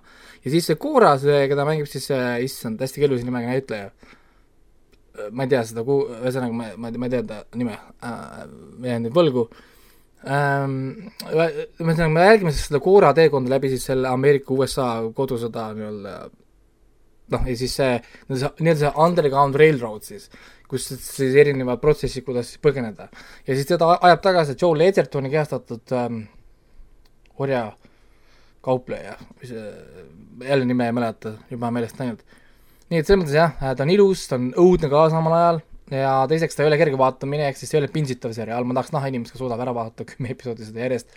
see on nii, et sa vaatad üks-kaks järjest, tahad korraks puhata natukene nagu refresh ida nii-öelda, anda mõistusel puhata, sest sa saad päris palju packed stuff'i, päris palju draamat, tugevat, tugevat stuff'i. Hästi,, hästi-hästi ilus võimas seriaal, under promoted as hell. Ja, ja ma ei saagi aru, et miks ta nagu nii kuidagi null promoga on liikunud, on, on minu jaoks nagu natuke isegi müstiline. nii et, et äh, soovitan vaadata tõesti, kellele meeldivad ajaloolised asjad ja ei karda olla natukene võib-olla häbistatud või näidatud natuke halvas valguses, siis palun väga, vaadake The Underground Railroad. aga liigume edasi seitsmenda kohale filmide juures, äh, minu aasta number äh, kaks film, mis, mida, mida Hendrik siin just äh, maha tegi, on Annette äh,, muusikal äh, Prime videos oli äh,, PÖFFil oli ja, võib-olla kunagi kinodesse tuleb äh, väike spoiler, et tõenäoliselt tuleb kinodesse samal ajal, kui Sparksi, Sparksid tulevad Eestisse. okei, sel ajal. jah, ja see ongi siis Sparkside kirjutatud äh, film, muusikal, rokkooper äh,, Adam Driver äh, laulab äh,, teeb äh, huumorit. Ja, ja minu, minu, minu jaoks tõesti üks, üks äh, paremaid, üks huvitav, huvitavamaid, unikaalsemaid, meeldijääva, jäävamaid ja emotsionaalsemaid story sid, kuid nagu ma tookord ütlesin, ta ei ole tõesti universaalne maitse, sest esiteks ta on rokkooper, on ju, meil on noh, rokk, rokkooper pole ju niikuinii universaalne, üldse muusikal pole niikuinii universaalne, siis tal on selline veider teatrlik lavastusviis, kus nad kasutavad nagu mingi papist kuusid ja, ja, ja, ja mingi puidust laev kuskil taga mingi nooriga õõtsutavad, on ju. niisugused teatud asjad, millega pead ära harjuma, siis see nukk on nagu see beebi Anett on nagu nuku poolt mängitud. see, see mulle kõik meeldis, see mulle kõik meeldis. ja, ja niisugused, niisugused puudutab seda lavastus, see, mis puudutab lavastust, siis ma olen sinuga kõigega nõus, see kõik oli väga äge, väga originaalne, väga vinge. ja, ja on, siin on kõik asjad, minu arust muusika, muusika on kihvt äh,, siis see sellised valikud on kõik väga äge, head, väga head siin filmis. ja, ja siis see Mar-, Marion Cotillardi isegi karakter mulle meeldis, siin oli nii absurdseid stseene kohati, siin oli see Simon Helberg, kes isegi läbi selle suure paugu oma nägime teda tõsises rollis, ta laulis, ta mängis dirigenti, on ju, kõik nagu need asjad siin nagu klikkisid ja muidugi võimas minu arust emotsiooniline nagu story, nii et selles mõttes minu arust oli Adam Driveril hea aasta, kolm võimsat, võimsat filmi, Gucci äh,, Last Duel ja siis Anett, nii et, et äh, oli nagu aasta, aasta tõesti mehel. et äh, aga noh, mis ma, mis ma muud saan nagu noh äh, öelda? Äh,, ta on niisugune, noh, ma räägin, nad natukene acquired taste, aga, aga tõesti ma usun, et, et äh, enamus, enamustel tõenäoliselt läheb, läheb ikkagi peale mul oli jah see häda, et kiire, ühe lausega mainin, et, et ma hakkasin seda vaatlema ja vaatasin ja vaatasin ja vaatasin ja vaatasin ja mõtlesin, et et nagu üldse ei tõmba sisse. mitte kuidagi ei kliki ja ma olin nii ehmatunud. mul oli niisugune tunne, et ma vaatan mingit teist filmi või, või kas ma panin vale filmi peale või üldse ei toimi see Anett. Nonii, Nagu aga ma nüüd äh, juba ilmus ekraani peale kuues, nii ehmatunud. Kuues koht seriaalist, milleks on Dexter New Blood, kuigi tänase seisuga on üks, üks episood minna vist, sest äh, Arne arvas, et on üheksa episoodi, nüüd välja on kümme episoodi uh,. on ta tõesti, ta on Dexter, nii Dexter kui Dexter olla saab ja kes Dexterit on vaadanud, see teab, et see on hea asi olla Dexter. ja Dexter on tõesti kümme aastat on möödas uh,, kurikuulus sarimõrvar laibatükeldaja Dexter on, on äh, ekraani peal tagasi, nüüd on ta muidugi Jim ja enam pole Miami's, vaid nüüd on kuskil külmas New Yorgis, whatever välja mõeldud linnas. ta poeg on tagasi, täisealine nüüd ja nüüd hakkab kõik asjad uuesti pihta. kõik pinge on laes, iga episood, palju stuff'i, kogu aeg on, atmosfäär kogu aeg on kiire, sa tunned, et mingi asi pigistab ja mõnus on teed, Dexter on tagasi, kuigi ma natukene kahtlustan, et teatud asjad, mida, mida, mida, mida, mida Dexter võib-olla tahab teha äh,, ei ole võib-olla tänases ekraani ütleme, või siis ütleme, võib-olla natukene hellastunud ek-, ekraani siis suhtes võib-olla enam vastuvõetav, aga no eks see näha ole, kuidas, kuidas see lõpuni välja mängib, ma ei pea siin pe- pi- kinni pidama pai pikalt, sest see on, see on Dexter selles mõttes. et, et ähm, toimib me näeme ikka laipu ja me näeme lõikamist ja tükeldamist ja ja mõrvu ja natuke huumorit ja ja Oota, isa ja poja suhteid, aga juba on suurepärane aeg minna edasi kuuenda koha juurde äh, filmidel, mis Oo. on ekraani peal, milleks on äh, Free Guy, mis oli meie kõikide listide ees. Ja esimene number üks täna siis, esimene number üks on ekraani peal, milleks on Henriku number üks aastafilm. minul oli ta kümnes, Ragnaril kahekümne kolmas, nii et me hakkame, anname siis Hendrikule aega seletada, kuidas Free Guy on siin number üks film kaks tuhat kakskümmend üks. nii, no see on äh, hästi lihtne lugu tegelikult, sest ma mäletan siiamaani seda momenti, kus ma olin äh, A Le Coq- Suite'is äh, Coca-Cola Plazas pressilinastusel ja enne, kui filmi viimane tseen läbi sai, siis kui kõik on nagu hästi, kangelased on oma teod ära teinud, maailm on päästetud, spoiler äh,, juba enne seda, kui see tseen läbi sai, ma võtsin telefoni välja, võtsin oma äpi lahti, INDB äpi panin talle lihtsalt julmalt, tuimalt kümme, kümme ära. see on üks nendest, Free Guy on üks nendest filmidest, mis nagu tekitab nii positiivse tunde. nii, nii tõmbab sind kaasa ära vähe minusuguse, et, et ta paneb su laginal naerma ja, ja lihtsalt haarab su nii kaasa, et sa kaotad igasuguse ratsionaalse mõtte nii-öelda aga. kusjuures me Et seda saatsime ju nagu- koos seda ju. sa nagu kritiseerida ka. ja jah, me võtsime Koos, koos jah, täpselt. ja, ja see on, Aa, ja see oli aa, see ko- kommentaar ka, mis me tegime, seesama, mis praegu see AVP just ütles, et see on parem Matrix kui Matrix Resur- Resurrections oli, mis me vist eelmine saade vist jah, mainisime. täpselt. Free Guy tegi Matrixit, Matrix nelja ära enne seda, kui Matrix ei no mitte ainult Free Guy, vaid Space Jam kaks tegi ka ära selle. jah, täpselt jah. nagu mina ei tea, Free Guy oli minu meelest igal, igas mõttes nagu perfektne film, sest ma vaatasin oma äh, aasta parimaid filme ka, et äh, minu teisel kohal, ma ei saa, ma ei hakka spoilerdama, aga lihtsalt nagu ei olnud filmi, mida sinna tippu panna ja ma leidsin, et Free Guy on ainus. see on nagu puhas, ta on nagu niisugune perfektselt lihvitud teemant, et ta nagu täidab kõik minusuguse vajadused. eriti just see, et tegemist on äh, videomängu filmiga, mis ei põhine nagu videomängul, aga samas nagu põhineb ka, ta põhineb nagu videomängu žanril. meta.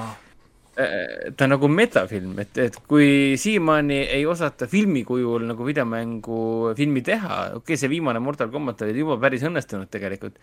aga Jaa. Netflix on näidanud, et seriaalid, animaseriaalid videomängu, videomängu adaptsioonid äh, animaseriaalina töötavad perfektselt. Pole, pole probleemi, ei tööta. no probleem. Hollywood, mulle, mulle tundub, et Hollywood on aru saanud, et äh, kui sa teed videomängufilmi ilma selle vahelülita, et ta ei põhine videomängul, siis kõik toimib. Ma nii. väga hästi aru, mida aga äh, suurepärane film, perfektne film. aga e ekraani peal on juba järgmine äh, milleks on viis koht seriaalide hulgas, tuttav nägu meil eelmisest aastast, räägitud omajagu, ja selleks on härra Ted Lasso. Ragnari number kaks, ehk siis Ragnar on ka liikunud juba top kolme oma valikutega, minu üheksateistkümnes ja Hendriku neljateistkümnes. ma juba tean, miks minul ja Hendrikul tõenäoliselt see on langenud, sest teine hooaeg on sissejuhatus kolmandale hooajale, ta ei ole esimese hooaja tasemel. kuid miks ta on sul number kaks, Ragnar? ütleme nii, et äh, tase oli küll teistsugune, aga tase ei olnud halvem. ta pigem oli ootamatult teises suunas minev. Et kui esimene hooaeg oli lihtsalt, et sul on ameeriklane Inglismaal, Londonis õppimas oma elu, avastamas, kuidas inimesed üldse elavad äh, Inglismaal oma elu, siis teine hooaeg võtab kõik karakterid individuaalselt läbi, lõpeb siukse suurema, suurema pauguga ja kolmas on ilmselt siis juba lai, ühest laiemast teemast, kui teine võttis igaks juhuks kõik läbi. aga ma ei tea, need karakterid, nii? ma jäin kommentaari lugema, et Bänni Hendrik kampaania oli edukas, sest ta on ekraanilt e, e, ekraanilt läinud. Okei. aga ei, mul, mul, mul lihtsalt, mul oli tore seda seriaali vaadata pärast äh, tööd, sellepärast et iga episood on endiselt ülimalt positiivne. see positiivsus pole kuskile kadunud. kõik need jõuluepisoodid ja nii edasi, sellest äh, ropendavast äh, Royst on väga head episoodid. eriti kõige parem episood ikkagi minule oli ilmselt see um, The Coach Beard After Hours uh,. oli lemmik, lemmik episood, see oli kõik teistsugusem nendest. Ja selle seriaali, ütleme, suurim võlu on endiselt ülim positiivsus. et kui sa tahad midagi pärast tööd väsinuna, mis iganes korraks vaadata kui sa ei taha vaadata mingisugust fantaasiat, mingit veristamist, tapmist, mis iganes asja, paned teed, teed lasso peale, sa tunned ennast ka juba parema inimesena pärast selle vaatamist ja sul on nagu, õhtu on ka palju parem. no nii, suurepärane, aga räägi kohe edasi filmist number viis, mis on nüüd ekraani peal, milleks on Nicolas Cage'i üks võib-olla elu parimaid rolle, Peak on meil äh, top viis film äh,, oli siis Ragnar number kolm, eks tema top kolm film, minu jaoks kakskümmend kolm, Hendriku jaoks kaheksas ja see järelikult äh, panin ta siis äh, kokku saja viiekümne kaheksa punktiga meie tabelis viiendale kohale. nii et äh, seleta, räägi meile lühidalt, miks Big on number viis? Puhtalt see, puhtalt esiteks Nicolas Cage'i pärast. Ja muidugi Reisjeri töö pärast ka. Äh, et kui Nicolas Cage on teinud kõik need aastad, on väga palju teinud täiesti absurdseid draamakomöödiaid, action filme, fantaasiafilme, mis enamjaolt on otse VOD, otse DVD filmid, okei okay,, mitte tänapäeval on DVD, aga pigem otse VOD filmid, siis vahetevahel ta teeb endiselt ühe kvaliteetse filmi. Enne seda ainus kvaliteetne film oli võib-olla Spider-man Into the Spider-verse, kus ta mängis seda noir Spider-mani. enne seda ma ei mäletagi, mis ta, millal tal oli viimati mingi kvaliteetne draama. ja Big'i suurim ütleme, miinus ja pluss ühtaegu oli ka see, et treiler, millega filmi reklaamiti, jättis mulje, et tegemist on John Wicki laadse filmiga. mees jääb oma põrsast ilma ja läheb vägivaldsele rännakule. see ja, kõik oli vale. see oli täiesti, täiesti fake, jah. See on poolteist tundi, see on peatükkideks jaotatud, mida tavaliselt tehakse väga pika filmi puhul, aga ta on poolteist tundi. aeglane, mõjus, väga hea tempoga draama, mis ei lähe kunagi selles suunas, kus sa eeldad, et ta läheb jah, siin on see element sees, et äh, kättemaks põssa, põrsa varastamise eest. aga mis maailma see sind viiakse? Äh, kokandusmaailma ja ta mõjub nagu triller. Nagu vaataksid maffiafilmi kohati. ja ma käisin seda kaks korda, ükskord vaatasin kodus, ükskord vaatasin siis kinos ja kolmandat korda vaatasin ka kinos. ja kolmas kord, kui ma, ehk siis teine kord, kui ma kinos vaatasin, siis ma olin äh, põhimõtteliselt saalis üksi ja ma hakkasin lõpus põhimõtteliselt päriselt nutma ja ma ootasin, millal inimesed lähevad saalist ära, sest ma pidin ennast kogu aeg, keegi, keegi ei näeks mul pisaraid. ülimalt liigutav film, eriti kui võtta lõppu arvesse no. ja siis ja.... Nerd.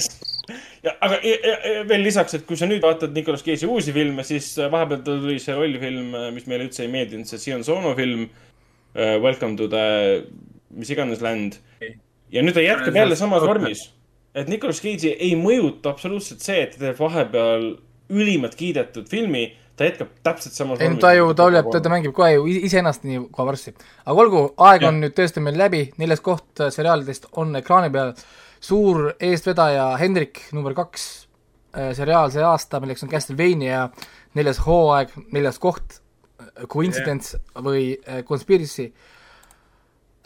Minu viieteistkümnes koht Ragnaril ei olnud üldse tabelis, nii et kurb, kurb, aga Ei ole Hendrik, näinud, ei ole lõpuni vaadanud. Hendrik, räägi, miks ju. miks see Netflixi Masterpiece on meil neljanda, neljandal kohal Äh, pandud? Sylvania on lihtsalt fucking äge. No täiesti shit. crazy, kuidas on võimalik midagi sellist luua. see on nagu, nagu ja midagi nii vägivaldset ja midagi nii roppu. ja, ja minu silmis mitte nii populaarse nagu videomänguseeria põhjal ka veel. sorry, mina ei ole ühtegi Castlevania film, mängu mänginud.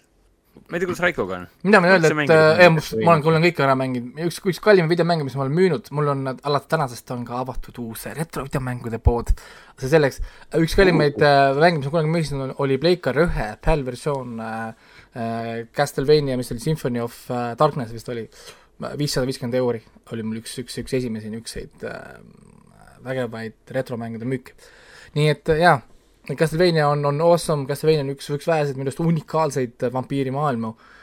enamasti seal on kõik nagu väga wash, mitte washed up, aga nagu Pindeer, Tantäht tunne vaata, nagu siis, siis siin on alati see vau, mind blown, väga fresh, väga uus, väga neutraalne lähenemine, keegi pole paha, mis on selle maailma üks minu arust väga huvitavaid asju. keegi tegelikult ei ole seal paha. Nii et äh, väga niisugune minu arust värv, värskendab lihtsalt vaadata. kellele, kellele ei istu selline asi nagu religioon, siis vähemalt esimene hooaeg peaks ikka väga mokkamööda olema. jep, nii et Kõik jah, on kõik, kõik asjad, kes kellele ei meeldi fännid, kirik, siis esimene hooaeg on umbes nii, et nii, aga Ragnar, ekraani peal on sinu aasta, aastafilm äh,. Ragnar number üks film äh, meie tabelis kokku neljas koht äh,, Last Night in Soho oli siis Aa. Ragnaril number üks, minul kakskümmend neli, Hendrikul kuues, eks mina olen süüdi, miks see film ei ole kõrgemal, sest ma ei raatsinud talle punkte anda. ja tegid? palun siis räägi nüüd, miks see Edgar Wright äh, väärib seda neljandat kohta meie listis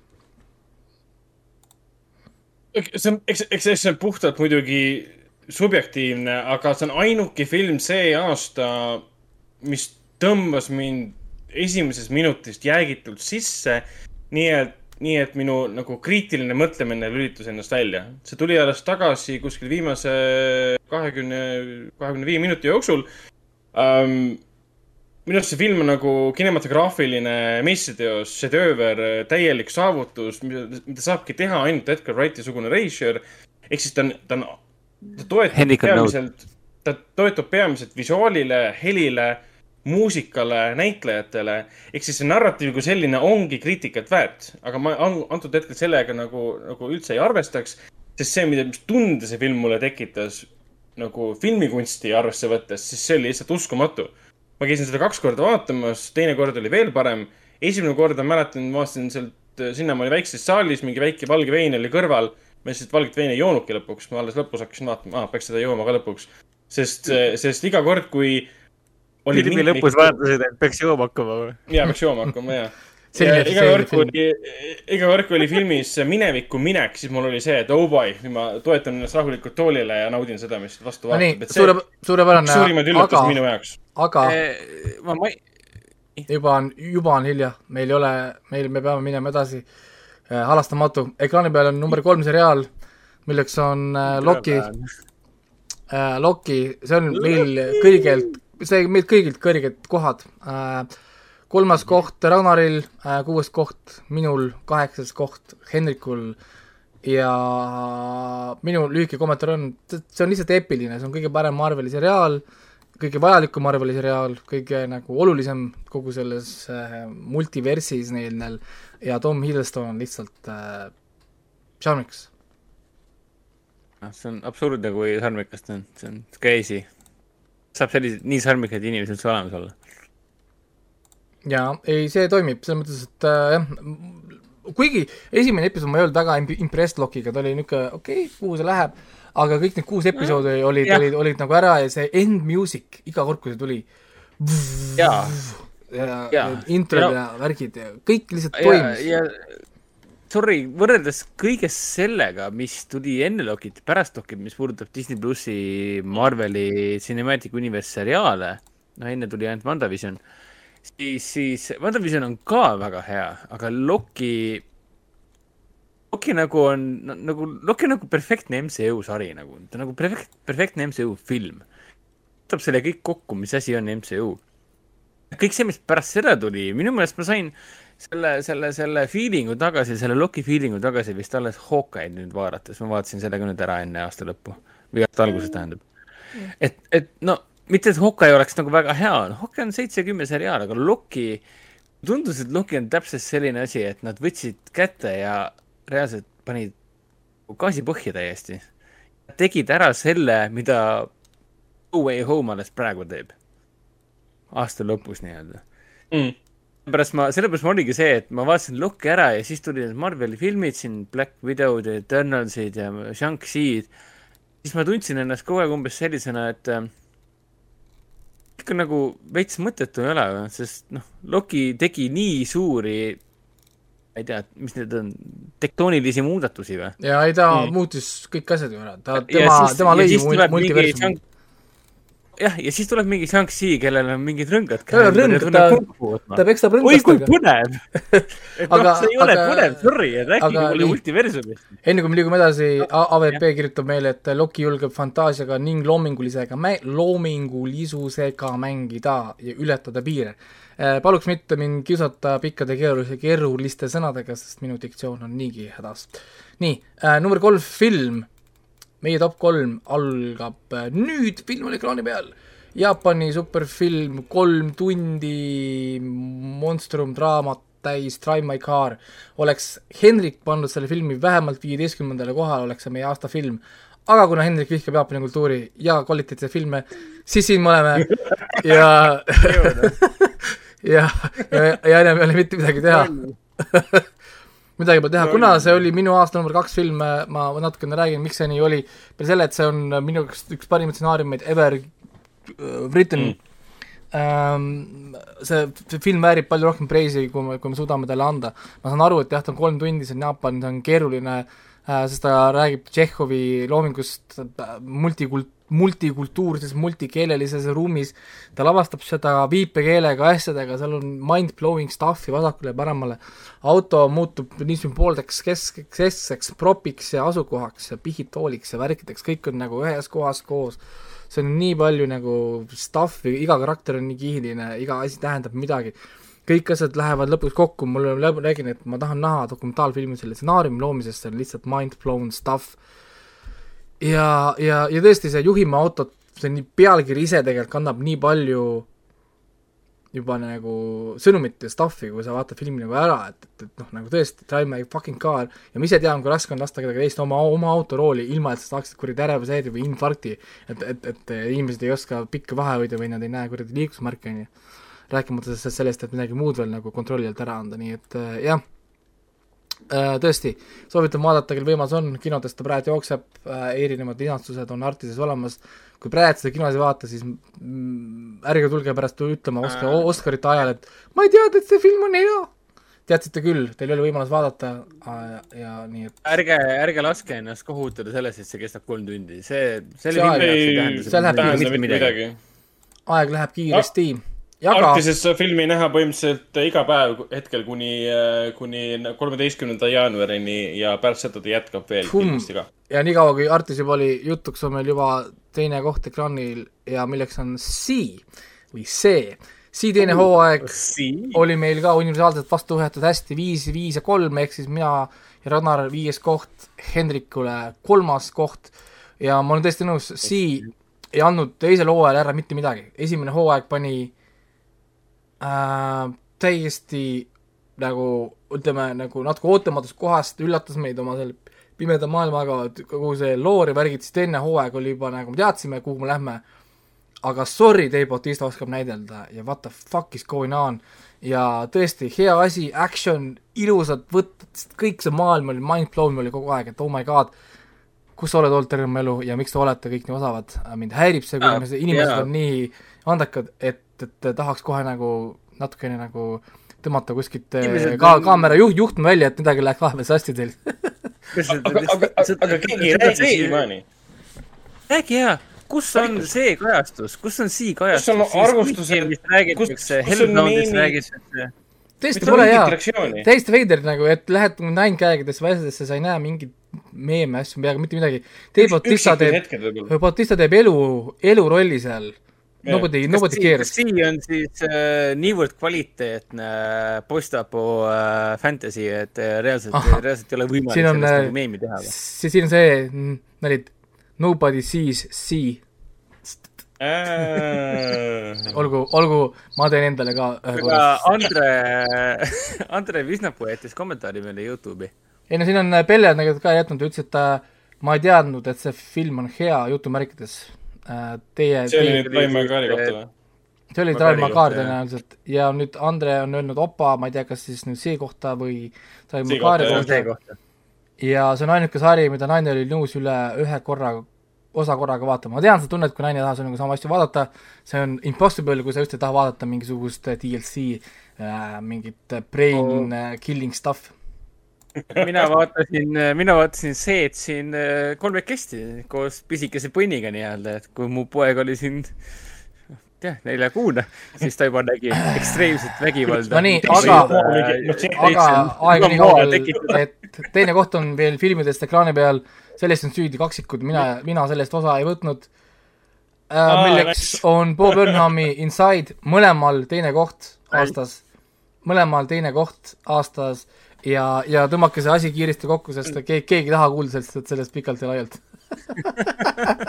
see oli minu Spotify selles aastalõpu listis oli ka see album, need lood olid kõige kuulatumad asjad üldse um,. seda mõnes mõttes seda sai suvel, suvel oli meil Filmveebi kokkutulek, seda sai seal palju vaadatud, palju kuulatud.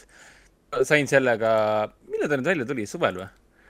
suvel sügise poole vist ikka ju. kõnd-, kõndisin, või sügi-, kurat, ma ei mäleta. Ei oota, suvel oli Filmveebi kokkutulek, järelikult ta pidi kuskil suvel tulema. aga siis ma Äh, hommikuti 30 mai. kõndisin, hommikuti kõndisin äh, suve jooksul sellega end- äh, tööle. kuulasin kogu, kogu albumi kuulasin läbi, enam-vähem jõudsin kõik läbi kuulata. kuidas ma jõudsin Je- Jeff Bezosi teise, ei, esimese lauluni vist või teise lauluni, kui ma jõudsin Viru, Viru keskuse juurde, et jõuda Coca-Cola Plazani. Selle järgi ma arvestasin seda, millal ma koju jõuan äh,, sinna tööle jõuan, et noh. aga ei, mulle, mulle nagu jah, no mõnes mõttes ta on ebaaus siia panna, sest ta ei ole film, ta ei ole, Vahet ta ei ole, tele, ta- telefilm, ta- noh, on, läheb, ta on äh, poolteist tundi kestev film tegelikult. nojah Jaa.. ja ta on tegelikult täielik omaette kunstivorm, sest see ei ole tavaline stand-up video, see ei ole mingisugune tavaline vestlus koroona koroonapandeemia peegeldus äh, kunstiinimeselt. Youtuberist äh, Netflixi hitiks, nii et jah Ja-, üks nagu Rick kõik Bo üle- Burnham, kes on väga rikas ja elab. aga, aga, aga nüüd meil on jäänud, nüüd meil on jäänud äh, kaks number ühte. enne kui me kiiresti liigume lõpupoole ei. tähelepanelik vaatajad tegelikult teavad, et meil pole sarjast mitte kellegi number üks sari pole tulnud, ehk siis number üks sari on meie kõikide number üks sari, aga enne kui me ütleme, mis see on äh,, ma saan öelda mõned asjad, mis minul isiklikult on kahju, et jäid välja, millest esimene on Cobra Kai Mm. äh,. Cobra Kai tõenäoliselt välja sellepärast, et ta ilmub äh, ütleme siis äh, halval ajal, ta ilmub kolmkümmend üks, üks detsember, ehk siis me saime kolmanda hooaja eelmise aasta kolmkümmend üks detsember, ta võiks, olla see, selle aasta listis, mis ta mul oli, ja meil ilmus kolmkümmend üks detsember neljas hooaeg, mis oli imeline. ega ta ilmub nagu natuke niisugune veidratel aegadel, ehk siis inimesed kipuvad seda ära unustama, sest oli aasta aega tagasi, või nad jätavad selle välja, sest nad teevad lihtsalt paar päeva enne aastavahetust, mis on väga populaarne. ehk siis vaene Cobra Kai, aga mul on kahju, et Cobra Kai'd siin pole, sest Cobra Kai väärib tegelikult siin mingi top kolme easy, sest ta on tõesti suurepärane. tuhat kakskümmend, ja siis Cobra Kai kolmas kaks tuhat aeg oli kakskümmend kolm me teeme sama, sama saadet ja siis on äh, Cobra Kai on teema. ja aga Cobra Kai mõlemad hooaeg olid ju see aasta, eelmine aasta. ei, ei olnud kolmkümmend üks detsember kaks tuhat üheksateist, ei kaks, tuhat kakskümmend ja kolmkümmend üks, kolmkümmend üks detsember, IMDB järgi tuli esimesel jaanuaril. ei, tegelikult oli kolm, kolm, tegelikult oli kolmkümmend üks detsember ja ma vaatasin mõ- mõlemal, pindisin ära enne aasta, aastavahetust mõlemad. aa, okei, IMDB ütleb, et oli esimene eh, jaanuar. ehk siis see segadus tuligi Jah.. okei ei. no ja ma ei tea, mis ajad soovib asjad, aga mina igal juhul vaatasin juba, pindisin ära. nii täpselt Okei. nii, nagu mul pindisin selle neljanda hooaja äh, on Cobra Kai'l veel viis osa vaadata ja siiamaani ma olen ja siis üsna mul oli äh,, mul oli veel ühest asjast oli kahju, et ei mahtunud sisse, oli Tokyo Revengers. ta oli kahekümne esimesel kohal, üks koht ei puudu, et ta oleks top kahekümnes sees. aasta parim anime tiitel äh, oleks läinud sinna, aga noh, kahjuks äh, ma üksinda vaatasin ja üksinda naljalt ei seda asju sisse ei pressi siia. nii et äh, teil on võimalus vaadata välja, mis teil on kahju, et teid välja seriaalidest uh,.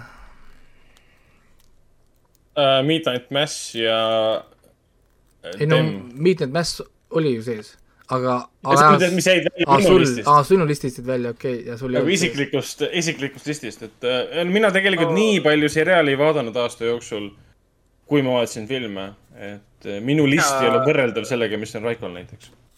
mina veel nii palju ütleks küll, et see Pacific Rimi seriaal The Black, mis nüüd on nimetatud ümber Pacific Rimiks. millegipärast. ma ei tea, ma ei tea, miks, see sajab pigem segadusse see oli küll väga hea, ta küll ei mahtunud lõpuks mul sisse ja ta oli mul, ma ei tea, mis, äh, viieteistkümnendal kohal. ta ei mahtunud sisse lihtsalt siis. ma olin ainukene, kes andis talle viieteistkümnenda koha. aga ta oli äge seriaal ja ausalt öeldes WandaVision ka ei mahtunud sisse ju. mis sellega juhtus?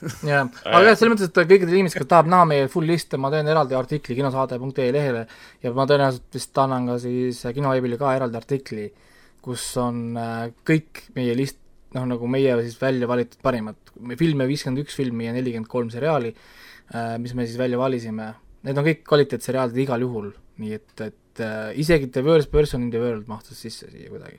nii et äh... enne kui me lähme nagu tipuni, siis ma igaks juhuks mainiksin ühte asja, et HBO Maxis vähemalt on nähtav see satiir, et The Prince aa ah, jaa, sedasama, jaa, jaa. Briti kuningaperel vihkavad seda, IMDB hinnang on vist mingi viis koma midagi, noh, mina kohutavalt fännasin, et hästi tore, mõnus satiir. ja, ja, ja siin mainiks ära ka kolm äh, dokumentaalseriaali, miniseriaali, üks on Q Into the Storm, Sasquatch, mille leidis Ragnar. Sasquatch, jah. siis äh, on Exterminate All the Brutes. Q Into the Storm ja Exterminate All the Brutes on saadaval Telia HBO-s. see on siis äh, QAnonist põhimõtteliselt kes ei tea, mis see on, kirjuta Google'isse ja blow your mind. Äh, Not too deep. aga siis äh, Exterminate all the brutes on siis põhimõtteliselt kolonismist ja rassismist. ja mis on väga kunstilises mõttes väga vinge dokumentaalne no seriaal. aga selge, said ühe ekstra minuti, aga Arkane on ekraani peal aasta seriaal meil, kolm esimest kohta meie kõikide käest, easy maksimumpunktid äh,, ilma konkurentsitult tõmbas koti pähe kõikidele teistele. Ja mitte ainult meie äh, mõistes parim seriaal, vaid tõenäoliselt enamus listide koostajate aasta parim seriaal, IMDB hindab seda, kõik hindavad seda, me oleme rääkinud sellest viisteist korda, kakskümmend neli korda. Ähm,, kas me saame veel kiita asja, mida oleme juba nii palju kiitnud, põhimõtteliselt Arkeeni nüüd järgmine niisugune Verstapoiss saab olema teine hooaeg, mida nad teevad? sest esimene hooaeg on masterpiece, kõigil on mind blown, breath taken away, teine hooaeg, mis nüüd saab? jah, et kas, kas ületavad või lähevad lati alt läbi või lähevad täiesti teises suunas, uued tegelased või mis seal toimuma hakkab, väga raske ette kujutada. eks neil on see kõige raskem, nad ilmselt ei oodanud sellist edu ja nüüd on see, et ups, me tegime mingi nii hea asja, me peame nüüd seda ehk siis, kas nad teevad Matrixi ja tegid koge-, kogemata hiti ja nad teil pole tegelikult õrna aimugi, et mis, mis nad tegid või si see oli kalkuleeritud äh, lihtsalt oskusnäidis ja nad on fännid, suured äh, League of Legendsi fännid. eks see, eks see aeg näitab äh,, peame natuke ootama, väidetavalt umbes aasta ja, ja siis me näeme juba järgmist hooaega. aga mind blown tõesti, soundtrack'id, värgid, kõik see stuff, mis seal ümber on, animation'id, värgid, ühesõnaga masterpiece ja, ja lihtsalt nii ongi. ma kirjutasin sellest ka, ma, ma enam ei viitsi seda jahuda, lihtsalt vaadake. aga ma number üks. ma siiamaani kuulan selle soundtrack'i ja ma vaatasin hiljuti seda kolmandat korda uuesti ka läbi. ja ikka, mina vaatan teatud kohti, ma vaatan, mina vaatan teatud äh, episoode uuesti, kuuenda episoodi lõpp mulle meeldib, kus ta tõstab selle flare'i ülesse Yeah. see muusika tuleb, on ju, äh, siis mulle meeldib Putki see, see seitsme, seitsmenda episoodi lõpp Echo versus uh, Jinx on, on, on uh, natukene üle prahi uh, battle, battle scene, on ju. siis ühesõnaga, mulle on teatud kohad, mis lihtsalt on nagu nagu what the heck. ma siiamaani kõnnin selle muusikaga hommikuti tööle. nii no,, aga rääkides epilistest asjadest, rääkides number üks asjadest, rääkides animatsioonist, rääkides äh, kõigest vägevast ja kõigest toredast, on pumm, number üks film on ekraani peal meil äh, napp võit Bob Burnhami ees, mina päästsin selle, siis ma panin selle number üks filmiks, peaaegu läks ta kuradi, Bob Burnham oli meil number üks äh,. tegin, mis ma suutsin, päästsin, mis ma päästa sain, aga siin ta on. Mugen Train, Demon Slayer äh,, läbi aegade edukam Jaapani animatsioon kinodes, tegi üle kõik Miyazaki hitid, nii et isegi Miyazaki pidi elust tagasi tulema, et hakata uuesti filmi tegema, sest oli what the fuck is going on.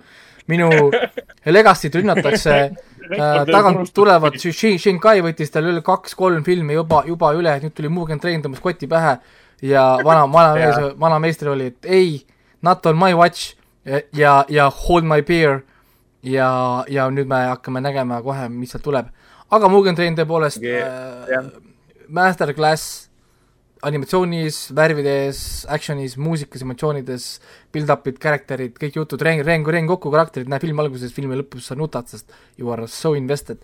ainuke miinus on see, et kui sa pole näinud seriaali, sa ei tea, kes on Rengoku, sa ei tea, kes on Tanjiro, sa ei, sa ei, sa ei tea, kes on Nezuko, sa ei tea neid karaktereid siis sa ei saa seda vaadata, see ei tähenda sulle mitte midagi, eks tal on sama probleem, mis oli selle Kingdom äh, filmil, Ashin of Thanosiga. et äh, see saab olema tõesti nagu mega emotsionaalne trip, aga jah, tõesti, tal on see üks, üks suur probleem, et ta peab olema ütleme, sarjaga seotud. nii et jah, see oli meie list, Andre ütles meile siin veel mõned sõnad, et õnneks tundis naine ka Arkane vastu huvi, saab uuesti vaadata, tõepoolest, minu naine pole Arkane'i vastu huvi tundnud, ma näitan teile, et see on animatsioon ja ta on juba kolm tuba äh, kuskil mujal eemal, nii et äh, mina, mina kahjuks minu, minu, minu kallis kaasa oli küll niimoodi, et äh, käisime Võrus puhkusel koos, vend oli ka kaasas. Võrus on meil kodu. ja siis äh, vaatasime seal, mina olin siis selleks ajaks ikka veel ainult esimesed kolm episoodi näinud. vaatasime siis esimesed kolm episoodi uuesti ära ja siis järgmine päev umbes nii, et äh, mis, mis hommikupuder pojale, hakkame, paneme kohe Arkeeni peale. ja ma tahan näha, mis Jinx No edasi teeb ja kõik Aga- siuksed. hakake liigutama. kõik on tore. paneme Arkeeni peale aga me peame lõpetama, sest äh, aeg on väga-väga kaugel. muidu poleks häda, aga mul on äh, other duties I need to tend to today. nii et igaks juhuks äh, mainiks veel meie kuu-, kuulajatele-vaatajatele seda, et see Demon Slayeri esimene hooaeg on Eesti Netflixis täiesti olemas. jah, pikka aega seda ei olnud ja nüüd on, nii et vaadake rahulikult ära. ja filmi saab vaadata film on Crunchy, Crunchyrollis äh,, Crunchyrollis tasuta saad vaadata. Crunchyroll ei vaja mingit VPN-i. Funimation vajab VPN-i. ja te saate ja teine hooaeg on Crunchyrollis ka tasuta vaatama, vaat-, vaatamas. Te võite panna kõik järjest Jaa. äh, vaadata Crunchyrollis ka, te ei pea isegi vaatama Netflixist. Crunchyrollis nad ka esimest, teist hooaega ja filmi, kõik on tasuta. Et äh, ärge üldse muretsege, see, see ei ole kohustus selle vaatamine, see on nauding. see on, ma olen nii mitu sõpra tõmmanud sellega lõksu, et oh, see on anime, ma ei vaata animet. vaatab kolm episoodi Demon Slayerit, holy shit, oh my fucking god. ja siis vaatab, vaatab lõppu ära, kuule, millal teine hooaeg tuleb? Ah, kuulge, aga selge, selge tegelikult, tegelikult ka, ma jään ajahätta äh,, sest äh, kella kümnest on kõik asjad meil siin juba kinni. Live, esimene live vist on läbi. Äh,, tänud kõik, kes vaatasid, meil oli kümme vaatajat vist kõige rohkem korraga. Äh, Yes. ja, ja tõmbatame kõik kokku, lehvitame, nägemist, järgmine saade meil on, ma ei tea, paari päeva pärast, millal iganes see õige saade nüüd tuleb, ma üritan selle listi kõik kokku võtta, eraldi trikid kõik üles panna, ühesõnaga vaadake, hoidke silma peal, pange subscribe, like, whatever kõik kuskil kohtades on. Jah, ja, ja aitäh näeme. kõigile, kes kohale tulid. kas, kas ma märkasin vahepeal, et mu pilt peegeldab minu ekraani? ja pilt peegeldab ka tal sealt tagant. ma panen outro, nemad ei kuule seda, ühesõnaga me lõpetame ära, nii et äh, tšau ja järgmise korrani. aitäh teile vaatamast ja tšau.